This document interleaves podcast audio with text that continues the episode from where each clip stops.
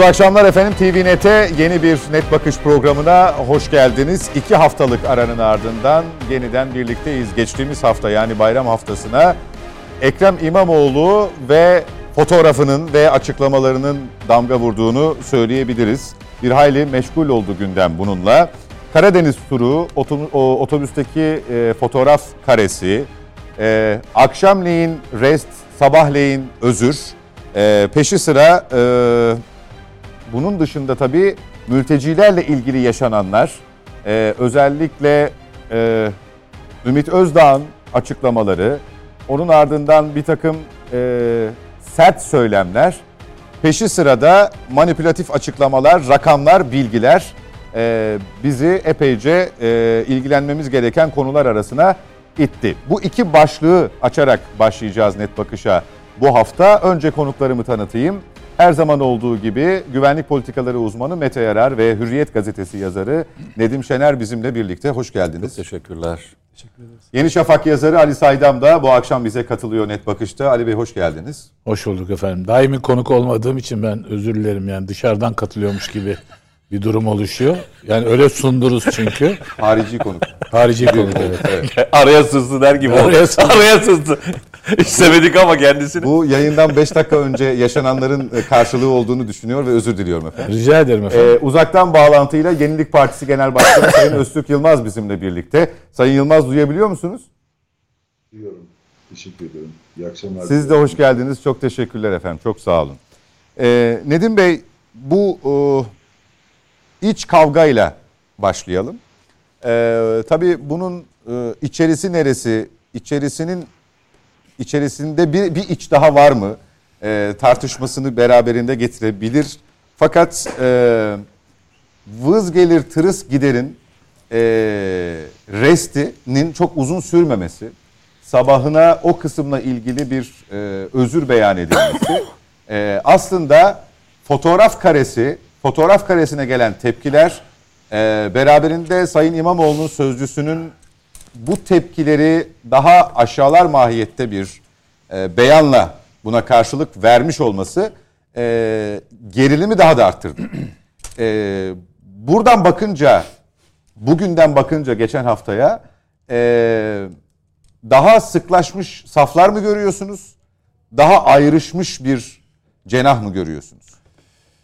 Şimdi e, ben bugün Hürriyet Gazetesi'nde yazdığım yazıya e, e, İslam tarihinden Hazreti Ömer'in e, anlattıklarıyla helva örneği e, helva örneğini vermiştim. E, Hazreti Ömer İslamiyet öncesi durumu anlatırken güldüğü bir anısını aktarıyor ve diyor ki biz helvadan putlar yapardık sonra acıkınca e, bu bunları yerdik diyor. Yani ortada yine kendi destekçileri tarafından şişirilmiş bir balon var vardı. Şimdi onu patlatıyorlar. Tıpkı e, putperestlerin e, Tanrı diye e, yaptıkları helvayı, helvadan heykelleri yemeleri gibi bir şey bu. Kendi kendilerine yarattılar. Yine yazımın içinde de var. E, Ekrem İmamoğlu'nun kampanya direktörü vardı Necati Özkan, meşhur. Ali Bey daha yakın tanır değil mi? Tabii, siyasal tabii. iletişimci olarak. Ee, Necati Özkan kitabında da yazıyor. Yazdığı diğer e, makalelerinde de var. İmamoğlu isimli şahıs yani Ekrem İmamoğlu. Kahramanlığın hikayesi miydi öyle bir şeydi? Kahramanın yolculuğu. Kahramanın yolculuğu. Yani. yani kahraman diye onu bir kere hı hı. kendileri ilan ediyorlar. Öyle neyin, başlamışlar. Neyin kahramanı? Neyin kahramanı? Mesele o. Ee, ama ilginç olan şu. Kendi tespitleri de o ki Ekrem İmamoğlu e, seçimden 3 ay önce yani 2018 Aralık ayında Kemal Kılıçdaroğlu tarafından aday ilan edildiğinde bilinirlik oranı %14.4. Yani o günlerde e, sorsanız İmamoğlu kimdir, Ekrem İmamoğlu diye CHP'li olduğunu, Beylikdüzü'nde belediye başkanı olduğunu söyleyebilecek çok çok az insan var. Ve sonra makalesinde diyor ki kitabında da anlatıyor. 3 ayın sonunda öyle bir şey yarattık ki diyor bilinirlik oranı %94'e Haziran'daki seçimde de %96'ya kadar çıktı diyor. Yani Ekrem İmamoğlu'nu tanımayan kalmadı ve biz bir kahraman yarattık. Nasıl yaptık? Ee, bir e, bir kampanya makinasıyla. Bunun içine e, bir sürü siyasal iletişim araçları, işte saha çalışmaları e, var. E, bir e, şöyle İmamoğlu o tarihlerde genel siyaset üzerine hiç konuşmadan sadece bir e, uzlaşmacı dil kullanarak pozitif mesajlar vererek e, bu rakama ulaştırıldı. Peki o tarihte Ekrem İmamoğlu'nun e, Ekrem İmamoğlu'na yapılan muamele neydi? Müstakbel Cumhurbaşkanı.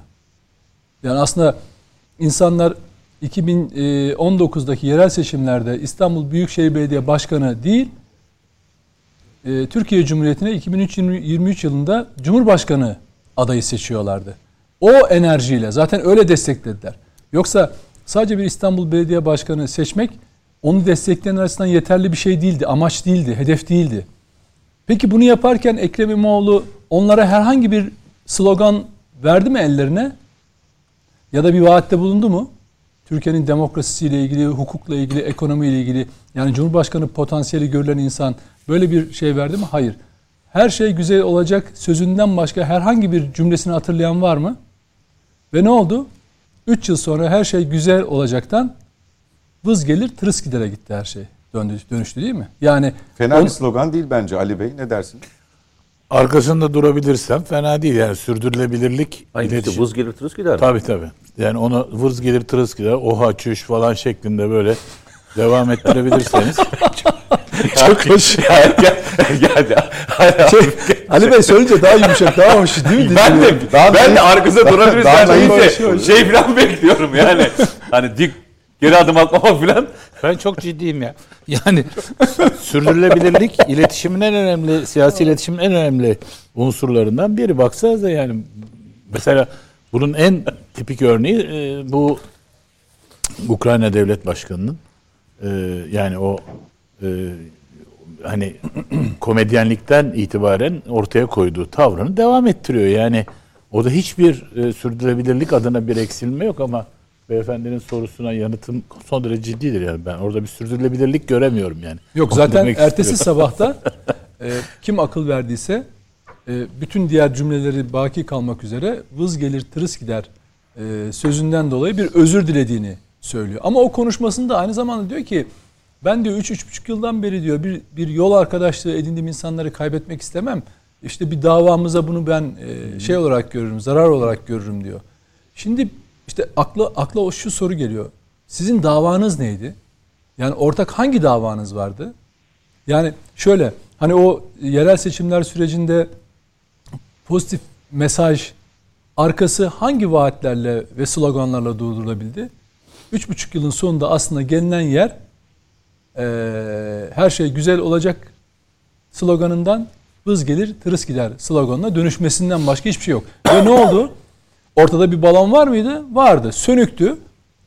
Bugün onu eleştirenler balon balonu patladı diyen o sözde muhalif gruplar üfleye üfleye üfleye gerçekten e, İmamoğlu'na Türkiye'de Cumhurbaşkanı olabileceğine inandırdılar. O da buna inandı bayağı. E, ama onun bir hesabı vardı çünkü şeyin e, iş dünyasından geliyor. Sosyoloji, siyaset falan e, üzerine çok durmadan matematik hesaplarla ilerliyor. Rasyonel. O da şu. CHP kitlesi zaten ona oy vermeye hazır. İyi Parti de vermeye hazır. Zira Meral Akşener yüzünde Rabbi esir gördüğü bir İstanbul'un Fatihi e, şeyi var, bakışı var. E bunun yanına ne konması gerekiyor? Sadece ve sadece PKK'nın siyasi kolu HDP. Bütün aksiyonları farkındaysanız bütün aksiyonları gözle görülür aksiyonları hep HDP'ye yönelikti. Ee, geri kalan işler ihaleler veya eleman alımları falan bunlar görünmeyen kısımlarda CHP İyi Parti arasında gidiyor. Bunu Ümit Özdağ da söyledi. Yani işte çantalar mantalardan falan bahsetmişti. ihalelerden falan bahsetmişti o zaman. E, gözle görünür bütün aksiyonları HDP'ye yönelikti. Mesaj hep orayaydı. Selahattin Demirtaş'ı çok beğeniyor olması e, ki ne kadar takip etti o da tartışılır. Tiyatro. E, ondan sonra e, eşiyle tiyatroya, eşlerin tiyatroya gidişleri, Kitaplar ardından basıldı. Pervin Buldan'la ağaç dikme seremonileri, fotoğrafları, e, işte hep Diyarbakır. Diyarbakır, Diyarbakır ziyaretleri falan, HDP, hep falan. hepsi hepsi hepsi ona yönelikti. Niye? İyi Parti ve CHP çantada keklik zaten onun açısından HDP'yi de ürkütmeden e, sağlayabilirse kafasındaki matematiksel hesap %50'yi bulurum ben diyordu. Ama hesap edemediği bir şey var. Bir faktör vardı. Daha önceki yayınlarda da ben çok kere söyledim. Murat Ongun diye bir faktör varmış. Onun Beylikdüzü Belediyesi'nden belki daha eskiye de dayanabilir bilmiyorum. Ee, bir arkadaşı, sözcüsü. Onun için bir algı çalışması yürütüyor. Bu algı çalışmalarının başlangıcında şimdi daha başla belediyeye girerken yemek tercihinden başlayarak videolarla, küçük videolarla algı çalışmaları üzerinden işin yürüyebileceğini düşündü hep. Çünkü gazeteciler öyle bakarlar hayata. Yani ben algı çalışması yapayım. Zaten kitle destekliyor. Altını bir şeyle doldurmanıza gerek yok. Bir de mağduriyet yaratacak. Mağduriyet edebiyatı yaratacaksınız. O da ne mesela? Tam 2020 bundan 2 yıl öncesine gidelim. 2020 yılının başında pandemi başladı. Ee, korona. Ee, işte bir anda Murat Ongun organize kötülük diye birilerini etiketlemeye başladı. Kim o? Ee, işte fazilet durağı yalanı diye bildiğimiz e, sabahleyin işe giden insanlar sözde Ekrem İmamoğlu çalışmıyor, pandemi konusunda önlemler almıyor. İmajı yaratmak için sabahın köründe 5'te 6'da otobüslere doluşmuşlar. Yüzlerce insan. Bunu da bütün kendine yandaş olan gazeteciler, bakın bugün Türkiye'nin en ünlü gazetecileri. O günler televizyonlara çıktılar, bangır bangır bağırdılar. Dediler ki ya bu nasıl bir kötülüktür? Görüyor musunuz AKP'liler sırf İmamoğlu çalışmıyor imajı da olsun diyor pandemide ki o zamanlar çok hassastı bu konu. E, otobüslere doluyorlar. Bu nasıl bir organizasyondur? Nasıl bir organize kötülüktür? Bütün ünlü gazeteciler bildiğimiz hepimizin tanıdığı insanlar bunları söylediler. Bunları yönlendiren Murat şey Murat Ongun'du. Yazdılar, çizdiler ya. Tabii Murat Ongun'du. Ünlü isimler ha çok. Yani çok ünlü isimler. Ardından İmamoğlu da çıktı Fox TV'ye. Vay bu nasıl kötülüktür, bu nasıl siyasettir, bu nasıl... Yani bir halk, halkla ilişkiler işi yapayım derken kendi başkanına bu kadar zarar veren bir yalanı bizde dezenformasyonu bir insanın yayabilmesi gerçekten büyük başarı. Aralarından bir tanesi de şüphe etmedi mesela. Ya insanlar şöyle düşünün. Ölümcül bir hastalık var, salgın var ve insanlar sırf siyaset yapmak adına diyelim ki AKP'liler efendim kendilerini tehlikeye atarak otobüse doluşuyorlar. Bir fotoğraf karesi oluşturmak için. Ya onlardan birilerine bu hastalık, ölümcül hastalık bulaşır da hayatlarını kaybederlerse insanlar bu kadar aptal mı? Ben o tarihte de yazdım. Dedim ki ya, ya bu insanlar gerçekten ölümü göze almışlar ya da bunu yazanlar aptallar diye yazdım. Sonra araştırma yapıldı. Yüze yakın insanın isimleri tek tek araştırıldı, bulundu. İfadeler alındı. Savcılık soruşturmasına konu oldu çünkü. Sonunda ortaya çıktı ki bu insanlar emekçi. Sabahın köründe işe gidiyorlar. Aynı hattı yıllardan beri de kullanıyorlarmış. İş bir yerleri... o duraktan binen o kadar kişi yok. Evet. E, e, şeyle iş yerleriyle otobüsün varış noktası arasındaki ilişki de doğru. Yani iş, işine gidiyorlar. Şimdi ne oldu? Organize kötülük değil, organize bir aptallık varmış. Aynı bakış sonra devam etti. Mesela en son örneğe kadar geleceğim. İngiliz Büyükelçi kar kıyamet yemek kaçamağı yapıyor. Ya düşünebiliyor musunuz? Halkla ilişkiler uzmanı deneyimli bir isim var. Cenevre'den tatile gittiği Cenevre'den e, kar, karda kalıp şikayet edenlere troll diye e, saldıran bir tweet atıyorsun. Ardından bunu saçma sapan savunmayla savuşturmaya çalışıyorsun ve yüzüne gözüne bulaşıyor. Onu bırak. Olabilir bakın ihmaller olabilir, kusurlar olabilir. E, belediye personeli ne belediye personeli arasında PKK'lılar girmiş. Bir takım eksikliklerden dolayı. Ya bunda senin kastın da olmayabilir. Ama sen bunu öyle bir savunuyorsun ki devletle çatışıyorsun. Terörle mücadele eden devletle çatışmak göze alıyorsun ama onlara toz kondurmuyorsun. Ve sonunda ne oldu? O PR sonunda geldi her şeyin oluştuğunu düşündüler. Tam yarış, yarış sürecinde Kılıçdaroğlu'nun adaylığı öne çıktığında artık belirginleştiğinde İmamoğlu ne dedi? Bir dakika tamam bizim için Kılıçdaroğlu aday ama ben de kendimi offside'a atmam, taca atmam falan deyip hop Karadeniz üzerinden, Rize üzerinden, Trabzon üzerinden Ankara yolculuğuna başladı. Ama bir fotoğraf karesi bütün bu imajı paramparça etti. Çünkü niye? Bu bakın sadece e, dışarıdan o fotoğrafı görüp işte oradaki bazı gazeteciler üzerinden oluşmuş bir şey değil, tepki değil. Bunun içinde İmamoğlu karşıtı deminden sizin bahsettiğiniz CHP içindeki yapı da var. Yani CHP içinde İmamoğlu'na oraya karşı geleceğim, olan yapı geleceğim. da var. Zaten bu işi başlatan, ilk başlatanlara dikkat edin. İsimler de belli. E, bu fotoğrafın nasıl algılanacağı konusunda, parti tabanında ve harekete geçirme konusunda çok ciddi bir mücadele vardı. Bu İmamoğlu Kılıçdaroğlu kavgasında yansıdan bir e, olay haline dönüştü zaman içerisinde. Peki Ali Bey Buyurun e, kim akıl verdiyse diye bir ifade kullandı Nedim Bey. Çok e, dikkat çekici bence. Sizin okumanıza da e, ışık tutacak ya da yön verecek nitelikte olduğunu düşünüyorum naçizane. Estağfurullah. E, bu akıl verme işlerinin e, spontan gelişmelerle hem akla ziyan hale geldiğini ya da zarar verdiğini, e, sonrasında devreye giren aklın da e, bir önceki aklı unutturduğunu e, düşünüyorum. Yani Nedim Bey'in e, çizdiği tablodan benim çıkarı, çıkarımım bu. Siz ne dersiniz? Efendim şimdi tabii ki çok zor yani sizin çıkarımınıza karşı herhangi bir eleştiriler, eleştirel tavır almak yani siz şu anda burada yönettiğiniz için işi bana daha az söz verirsiniz falan. O yüzden çok yerinde e, zat halinizin tespiti diye söze e, Bugün başlayalım. Ali Bey süper Bugün ya. seninle Müthiş. uğraşacak. Anlaşıldı. Müthiş yani. müthiş. Sen bu iş bu gece bitecek. Yani bu gece Şöyle geçeceğiz programları Yayın, moderatör yani. yayını terk etti. Yok yani şey Konuk değil. estağfurullah. programlarının stand-up'ı Hayır ama gerçekleşiyor yani- bugün. Çok Hayır güzel. efendim yani e, buna subliminal bir e, mesaj şeklinde bana baş, konuşmaya başladığınız için ben o subliminal mesaj altında ezilmemek adına bunu ifade ettim efendim. Estağfurullah. Şimdi çıkarsamanız çok yanlış değil ama burada adını koymak lazım. Burada yapılan iş e, için bayağı e, teoride iletişim kuramında yeri var. Buna spin doctor'lık deniyor Amerika'da. Bu işin Amerika'da çıktı tabii pazarlama iletişiminin kapitalizmin de en geliştiği yer pazarlama iletişimde oradan çıkma. Bu yöntemde oradan gelişme. Fakat bu internetin icadından çok önce e, kullanılan bir yöntem spin doctor'lık. Spin doctor fır döndü PR'cı de falan diye te- çeviriyorlar Türkçe'ye. Yani amaç şu e, böyle kısa vadede kısa e, aralıklarla e, her türlü aracı kullanarak karşı tarafta bir etki yaratmak ve özellikle de publicity denen medyada görünürlüğü arttırmak. Bu yöntem yemiştir, kullanılmıştır pek çok kişi tarafından, pek çok grup tarafından. Fakat artık e, naftalin kokuyor, eskidi. Neden eskidi? Çok basit. Hani eskiden yalancının mumu ne zamana kadar yanıyordu? Yatsıya kadar değil mi? Şimdi yatsıya kadar yanmıyor. Çünkü internet ortamında bilgi akışı o kadar hızlı ki zart diye çıkıveriyor ortaya. O on dedi, bu bunu dedi, o öyle değil, böyle. Yalan dolan çıkıyor ortaya. Oysa e, yani toplumları ve insanları yönlendirmek spin doctor'lıkla mümkün de eskiden. Hani imaj yönetimi dendiği yıllardı bunlar. Neşeli cahiliye devri.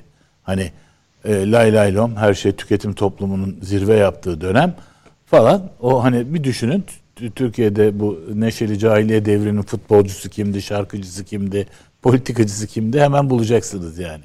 Şimdi bu spin doctor'lıktan gelme iletişim kuramı eskidi ve kullanılamaz hale gelmiş olmasını fark edemiyorsanız eğer bu, bu aynen e, Nedim'in söylediği, Nedim çok uzun konuşuyor ama arada gayet doğru şeyler söyleyebiliyor. Orada e, şeyin e, hakikaten çok önemli o. E, bunun e, birdenbire e, şeyi kalmıyor. Etkisi, bumerang etkisiyle kendine dönüyor. Yani öyle bir e, durum alıyor. Burada da işte bu tür spin doctor'lıkla da yani e, bu e, neşeli cahiliye devrinden kalma iletişim araçlarıyla hareket etmenin bir bedeli var. İşte orada sürdürülebilirlik yok efendim. O olmadı ötekini yapalım. O arada yarın işte e, otobüslerin bozu- bozuyor, bunlar bozuyor e, diye işte e, siz bozuyorsunuz diye Suyu açık bırakıyorlar. açık bırakıyorlar falan. su bitiyor barajlarda. Barajlarda su bitiyor evet. Yani böyle e, abuk subuk yalan ve dolanla bir sürü iş yapılabileceğini zannediyorlar. Oysa bakın e, dönüp şunu ifade edelim. Tarih boyunca bu tür numaraları yapmış olan ve medyaya yönlendirmiş olan e, siyasi partilerin hepsi çuvallamıştır. Bakalım 1950'de Cumhuriyet Halk Partisi yönetiyordu medyayı doğru mu? Adalet Partisi'nin pardon Demokrat Parti'nin medya üzerinde hiçbir etkisi yoktu. Kim kazandı seçimleri? Ezici çoğunlukla Demokrat Parti. 1983 hemen atlıyoruz. Evet. 1983 kim yönetiyordu medyayı? Hakimdi. Sıkı yönetim. Sıkı yönetim. Evren işte şey. Özal. Ö- hayır Özal değil ya. Özal. Turgut Özal onlara rağmen seçildi. İşte ona rağmen, Ona rağmen, ona rağmen Hayır, Özal seçiliyor. yöneten buna Yani rağmen Özal. Şu milli iradeyi kim küçümsüyorsa dayak yiyor. Anlatabiliyor muyum? Yani 2002 AK Parti'nin destekçisi ne vardı? Kim vardı abi? Bir hatırlayın yani. Sizin yaşınız müsait galiba. Beyefendiler çok daha genç ama Bir tek, Yani- bir tek burası. bir tek burası belki de Kanal 7. Yani onun dışında hurra bütün medya karşısındaydı AK Parti'nin ve ne yalan dolan çıkartıldı hatırlasanıza ya. Muh- muhtar olamaz laflarını falan hatırlamıyor musunuz? Yani şimdi Abi buraya da bu kanalda operasyon yaptılar yani. Evet İşkence ama işkence yani oldu. şunu anlatmaya çalışıyorum. İşte o spin doctor'lık ve kısa vadede antin kuntin böyle numaralarla iletişimi yönetebileceğini zannetmek, medyayı ele geçir, onu bilmem ne yap.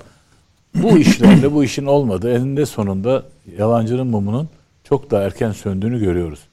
Burada da e, giderek daha da komik duruma düşme ihtimali var. Çünkü rakibi sadece Kılıçdaroğlu değil Ekrem Bey'in değil mi? Bir de Ankara'da Yavaş var yani.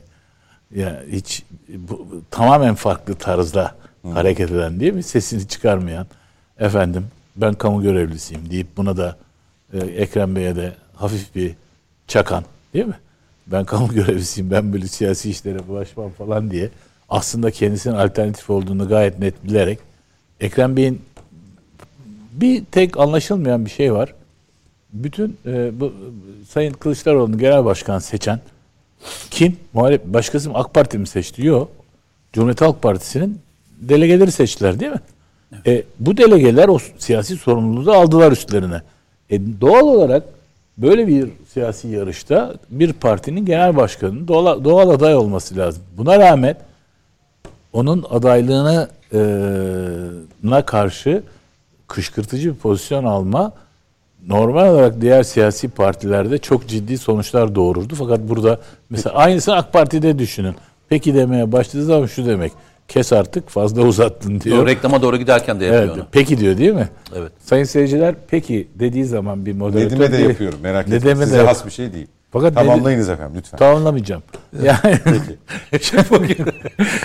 netice Ya makyajı makyajı bile aşan bir kırmızı ton yüzüne Öztürk hakim oldu. Bey- yok hiç değil. Bile Sayın- olmayacağını öyle olmayacağını. Öztürk Bey söz vermiyorsunuz. Biz zaten konuşuyoruz burada. Esas konuğumuz ben. Çok merak ediyorum ne diyor bu hususlarda. Ya Hem de CHP'den geldi. Allah'tan duyuyor yani e, ve görüyor birçok şeyi. CHP'de siyaset yaptı. Bu haksızlığı e, bana yapmayacağınızı Yani CHP'nin hakkım- içini falan dışını her yerini çok iyi bilen bir e, öyle politikacı. müsaade ederseniz soracağım kendisine. Tabii lütfen. Çok teşekkür lütfen. ediyorum.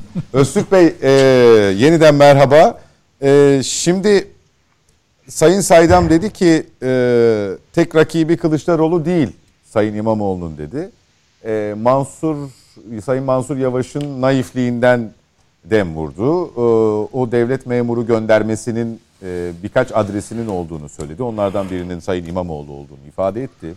Şimdi e, bu akıl verme işi veya biz 2023 yaklaşırken akıl vermelerden ziyade bu tip hamlelere çok daha şahit olacakmışız gibi gözüküyor.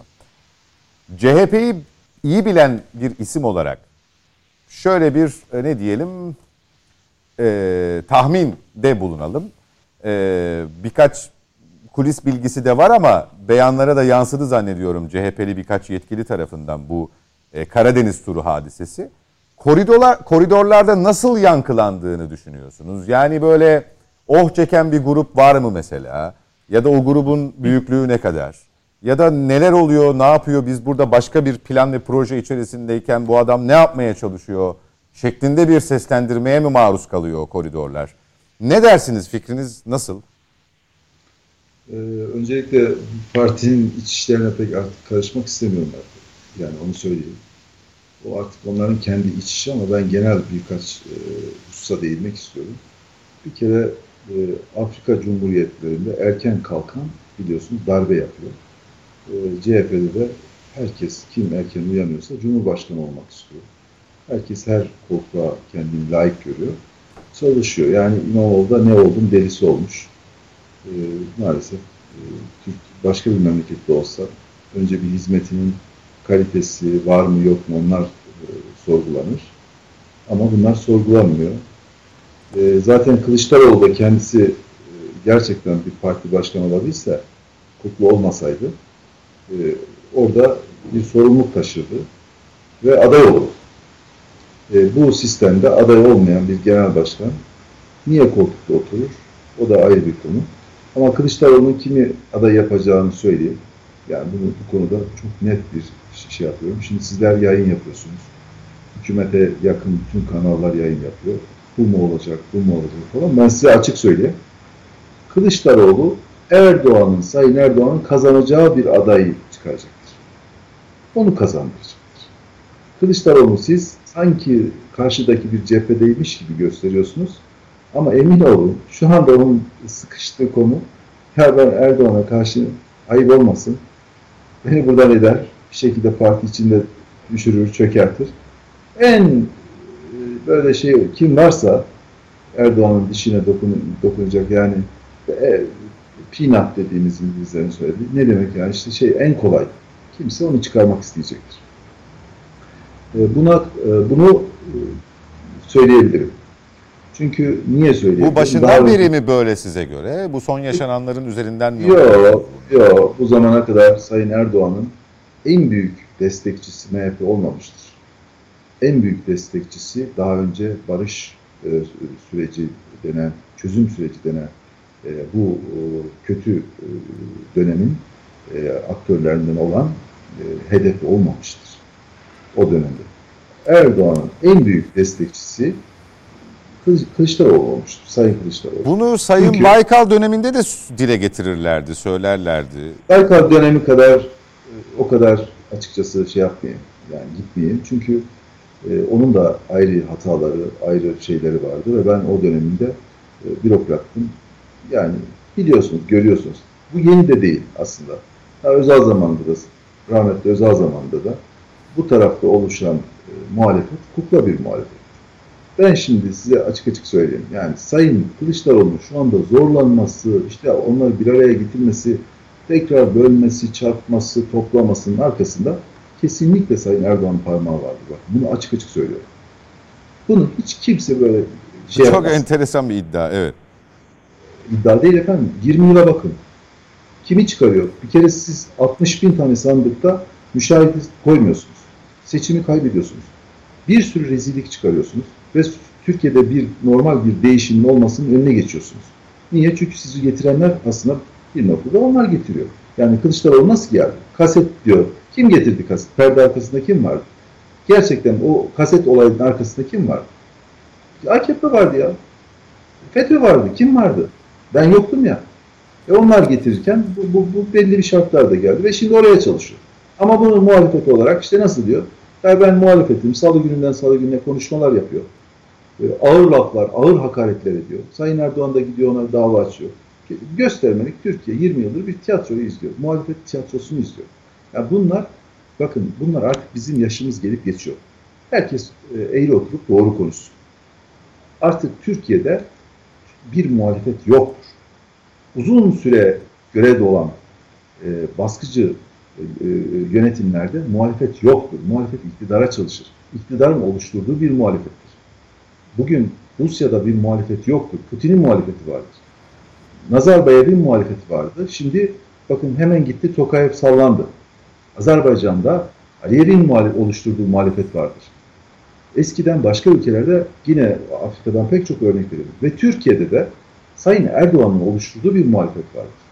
Yani siz böyle e, düz okursanız olayları aslında hiçbir sonuca varamazsınız.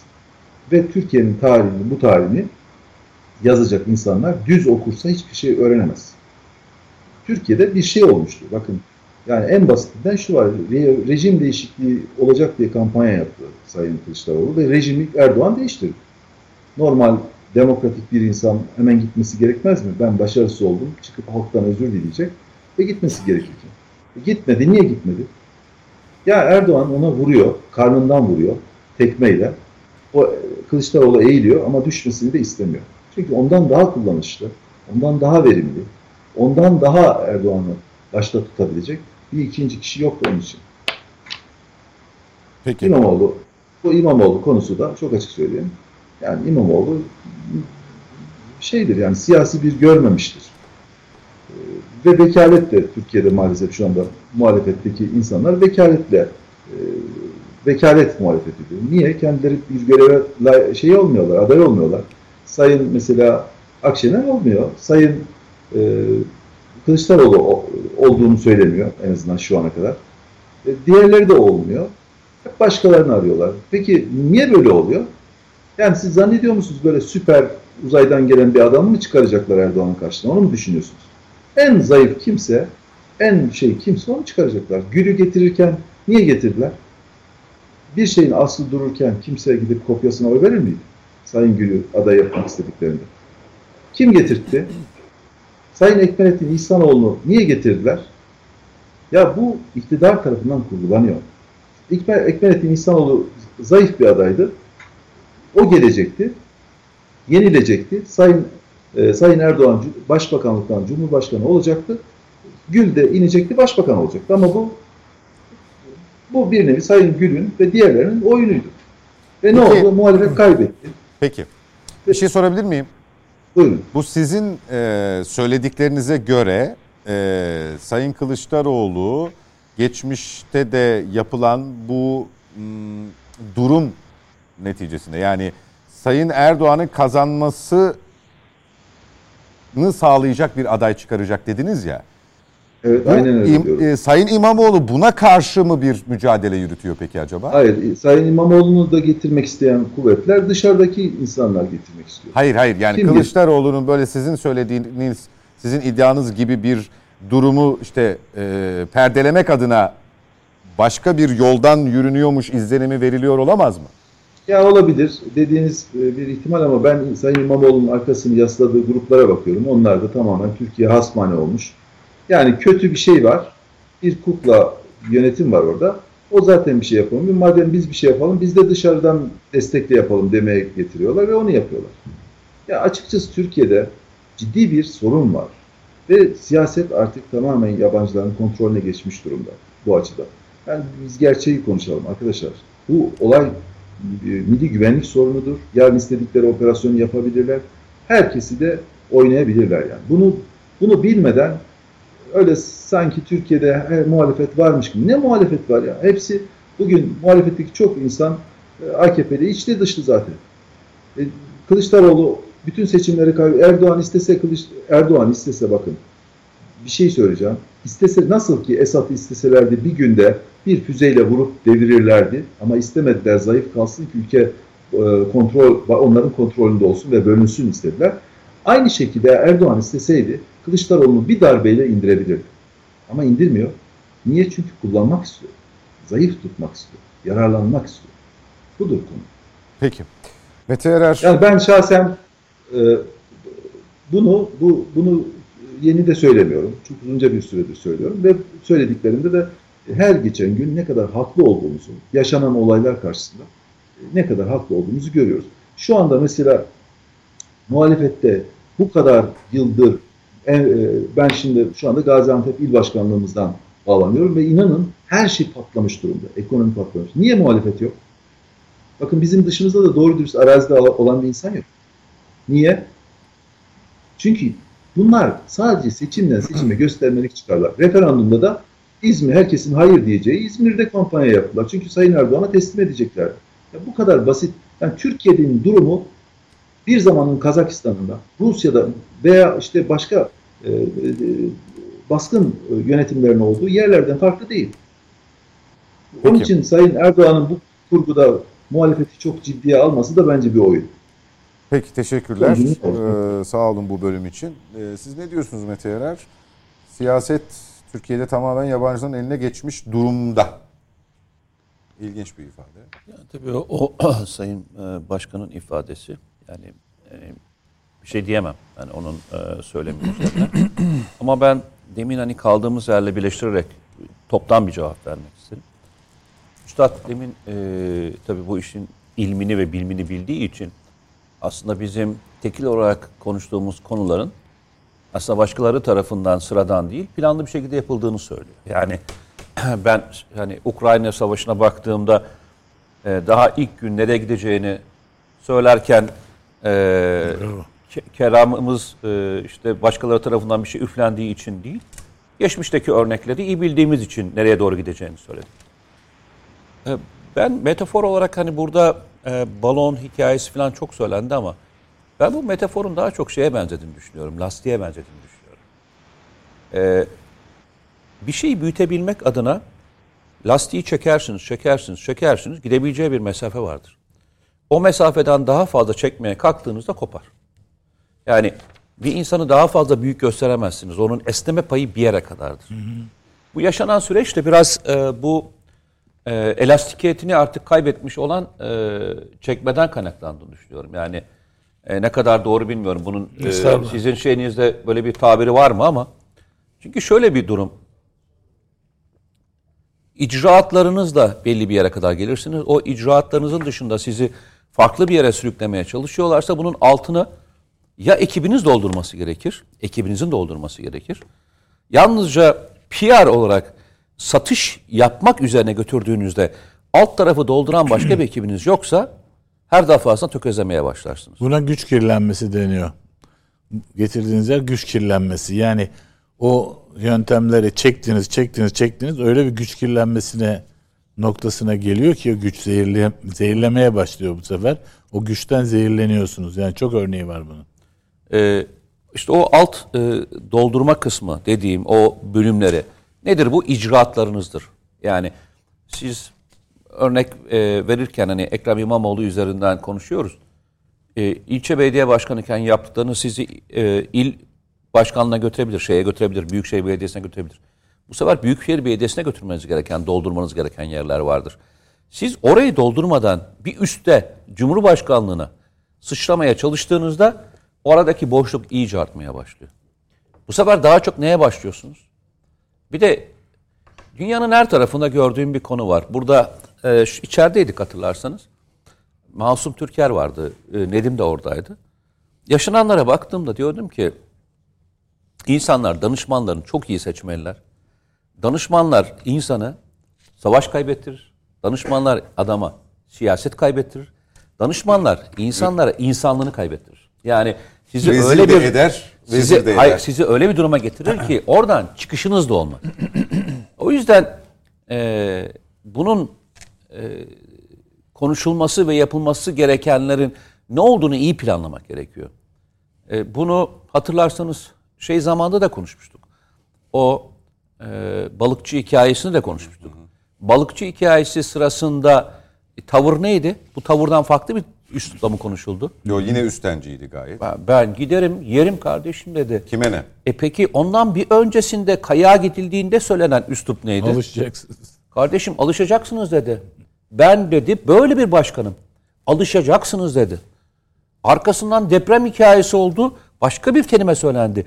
Siz bu kelimeleri ilk defa mı duyuyorsunuz?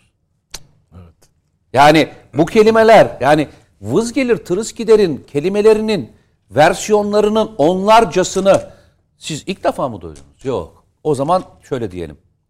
Peki ne oldu da o zamana kadar yaşananlara bu kadar tepki koymayanlar yalnızca e, yani bu söylemler yalnızca 200-300 kişinin rahatsızlığı mı diyeceğiz? Veya başka bir şey daha geçeyim ben size. Bir öteye daha götüreyim sizi. Bu süreçler olurken, bu süreçlerin ilerlenmesi sırasında karşımıza şöyle bir tablo çıktı.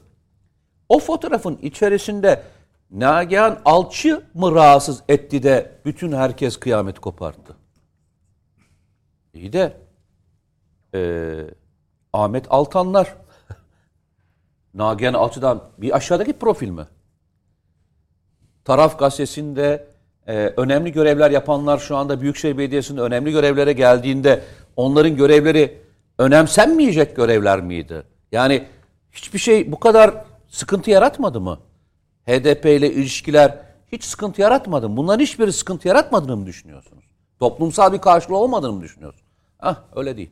Veya Fenerbahçe'ye laf söylediği için Fenerbahçeliler mi e, kendisine e, niye? 3 Temmuz süreci var ortada. 3 Temmuz'da söylenen kelimelerin her biri ortada. Yani bunların bunlar bunlar bugünün mevzusu değil ben size onu söyleyeyim. Bu bir karşılıklı kapışmaydı. Herkes karşı karşıya kılıcını çekti. Karşı taraf kendisine yakın olan kesimi bu olayda net olarak ortaya Domine koydu. etti. Domine etti. Daha önce bastırabileceklerini ve en ufak bir şekilde karşı koymayacağını düşündükleri ve beraber hareket edecekleri düşükleri Ekrem İmamoğlu Karadeniz turuyla beraber başlayan süreçte aslında bir onun da bir baş kaldırısıydı o. Yani ben yoluma devam ediyorum. Siz ne derseniz Şimdi deyin. onu soracaktım. Ali Bey ile ortak olsun lütfen. Ee, sözünü- Beraber isterseniz Ali Bey ile konuşalım. unutma, Hayır. Hı hı. Şayet bu fotoğraf hadisesi olmasaydı, e, 200-300 hadisesi olmasaydı, tırıs vırıs, rest e, ve özür, Özür. olmasaydı, biz şu an burada e, İmamoğlu'nun ne işi var Diyecektik. bir belediye başkanının Karadeniz Diyecektik, şehirlerinde diye konuşuyor olacaktık. Tabii ki Hangisi daha faydalı? Şimdi şöyle bu e, yani ne kadar ilginç olan şu tabii Cum- Cumhuriyet Halk Parti'den yana olan medya e, saldırıyor şu anda İmamoğlu'na. E, hakikaten ağır saldırıyorlar yani. İki kişi üzerinden gidiyorlar. Sayın Özkök, Ertuğrul Özkök ve Nagihan, Nagihan Hanım üzerinden. üzerinden gidiyorlar. Bu ikisi de bence bu saldırı hem Nagihan Alçı'nın hem de Ertuğrul Özkök'ün piyasa değerlerini katlayarak yukarı çekiyor. Yani marka değerlerini yükseltiyor tabii ki.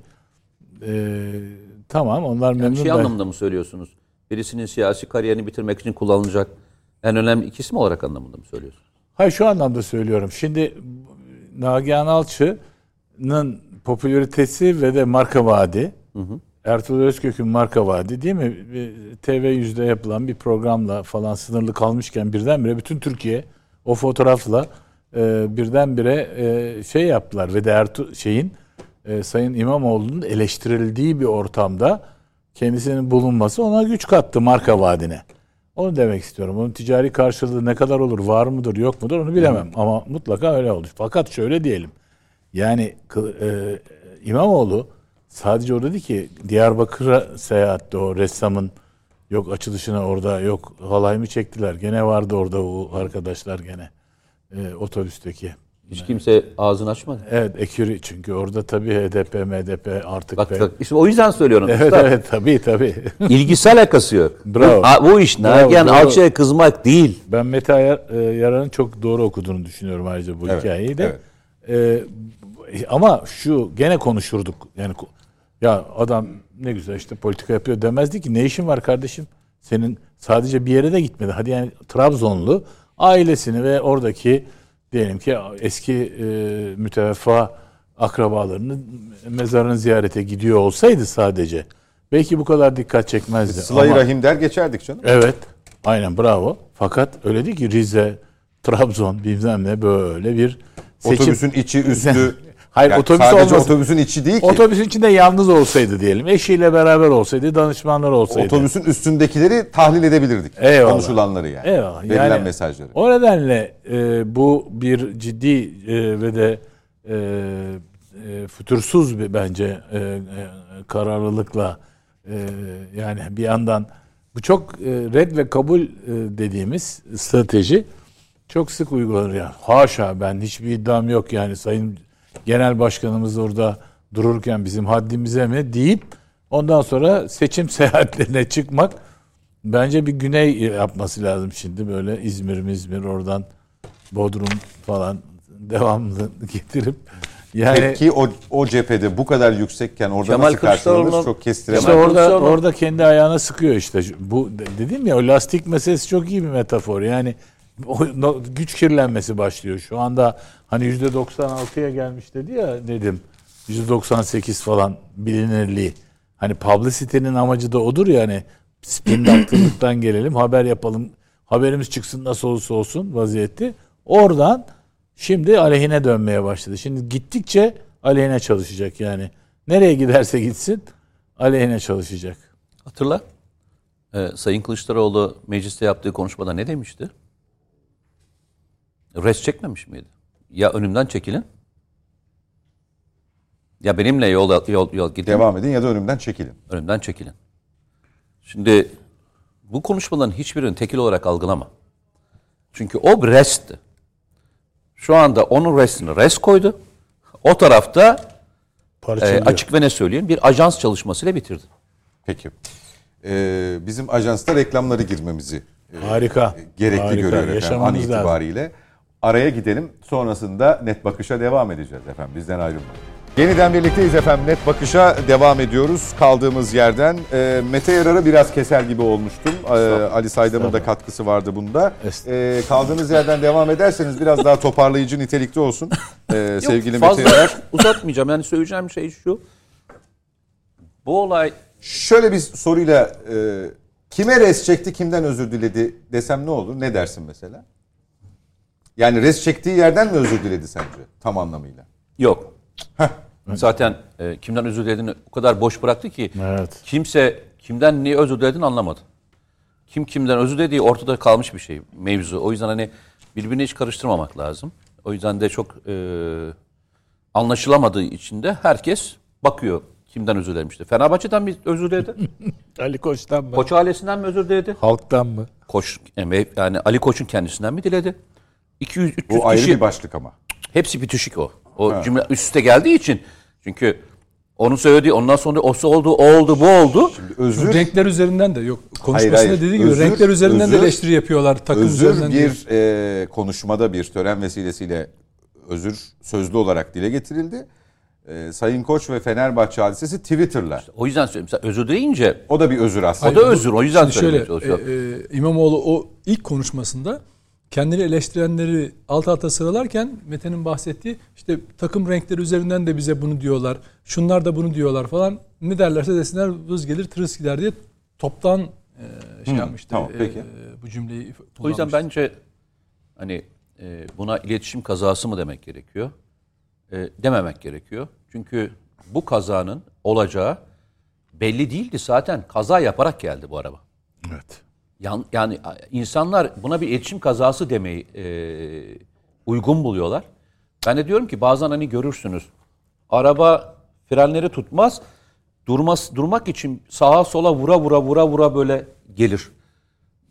Yani biz o arabanın zaten böyle sağa sola vurarak geldiğini gördük. Yani bu bir iletişim kazası falan değil. Bu yani ne diyeyim Göz göre yani göre. biraz e, Ali, Ali Bey'in söylediği gibi uzatarak konuştu ama Bekliyor şimdi hasretle. Evet. o da hasretle Söz sırasının Yok. yani benim gelmesi. söyleyeceğim şey bu. Ama e, buradan ne olur onu bir şey söyleyemem. Çünkü bunun bir karşı hamlesi olacaktır ben açık ve net söyleyeyim sana. Peki. Bu burada durmayacaktır. O hamle konusunda Bu orada e, durmayacaktır. o hamle konusunda Nedim Bey'in fikirlerinin daha güçlü olduğu kanaatindeyim. E, bir soruyla eşlik etmek isterim. E, değerli konuklarım otobüsün içi, fotoğrafın kendisi oradaki muhataplardan ziyade bunu mütalaa etmek gerektiğini ifade ettiler ama En azından benim fikrim o. ee, yani Ali Bey de benzer bir şey söyledi. Ee, şöyle bir şey var mı peki? Yani e, otobüsü öncelersek binemeden indiler gibi bir, bir, bir, bir- bir, e, söylem çıkabilir mi buradan? Böyle bir şey söyleyebilir miyiz? Binemeden in, in- Otobüse binemeden kim yani- binecekti de inlemedi? yani Sayın İmamoğlu da dahil olmak üzere. Aa, yok şöyle e, zaten bir otobüs bir yolculuğa çıkmışlar onlar 3-3,5 yıldan beri e, e, oluşturulan bir grupla bir yolculuğun içindeler. Bu otobüs kaza yapılan otobüs sadece. Yani o yolculuk aslında devam ediyordu e, şeyde. Bunun e, oluşan fotoğraf aslında İmamoğlu'nun e, halkla ilişkilerini yapan ya da PR'ını yapan Murat Ongun'un belirlediği isimlerden oluşuyor. Bakın oradaki e, bu olayın deminden Ali Bey'in çizdiği çerçevede e, ben bu balonu bu balonu PR çalışmamla şişirebilirim diye düşünen e, kifayetsiz muhteris birinin başının altından kalkıyor. O öyle bir güveniyor ki birbirlerine o iki kişi. Öyle gelmişler. Unutmayınız e, daha Beylikdüzü Belediye Başkanı iken e, yine İmamoğlu hakkında bir kitap yazılmıştı. Onu öven. Nasıl bir lider olduğunu. O, o projeleri böyle yönetmek bunu bir beceri falan zannediyorlar. Çok doğru bir tespit. Yani halkla ilişkiler konusunun bir tarihsel süreci olduğunu e, çok güzel anlattı ve çok haklı. Şirketlerin, siyasetçilerin, bürokratların, yerel yöneticilerin nasıl böyle algı oyunlarıyla kendilerini övmelerini istediklerini, e, istediklerine dair çalışmalar, bununla ilgili şirketlerle yaptığı çalışmalar, biz bunların hepsine şahit olduk. Ben 91 yılından beri gazetecilik yapıyorum. Ali Bey'in tam tarif ettiği dönem ne demiştiniz o döneme? Neşeli cahillik. Neşeli cahillik dönemi. Yani gerçekten hak etmeyen insanlar hatta dolandırıcılar. Yani Evet, piyasayı dolandıranlar çok ciddi halkla ilişkiler şirketleriyle çalışıp öyle bir imaj çizdiler ki büyük paralar topladılar. Yatırım Şimdi adı altında. Yok mu sanki ya? Bu çiftlik bank hikayesinde de aynı şey yok muydu? yani? Orada orada orada kendi PR, internet üzerinden kendi PR'ı var. Ben başka türlüsünden bahsediyorum.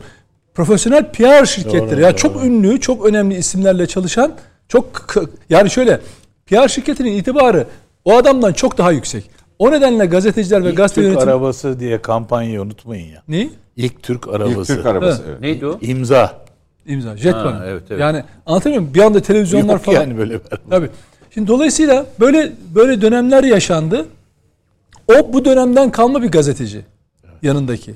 O kişi Murat Ongun o dönemden kalma bir gazeteci. Kendini zaman içinde süreç içinde yönetmemiş. En kötüsü şu.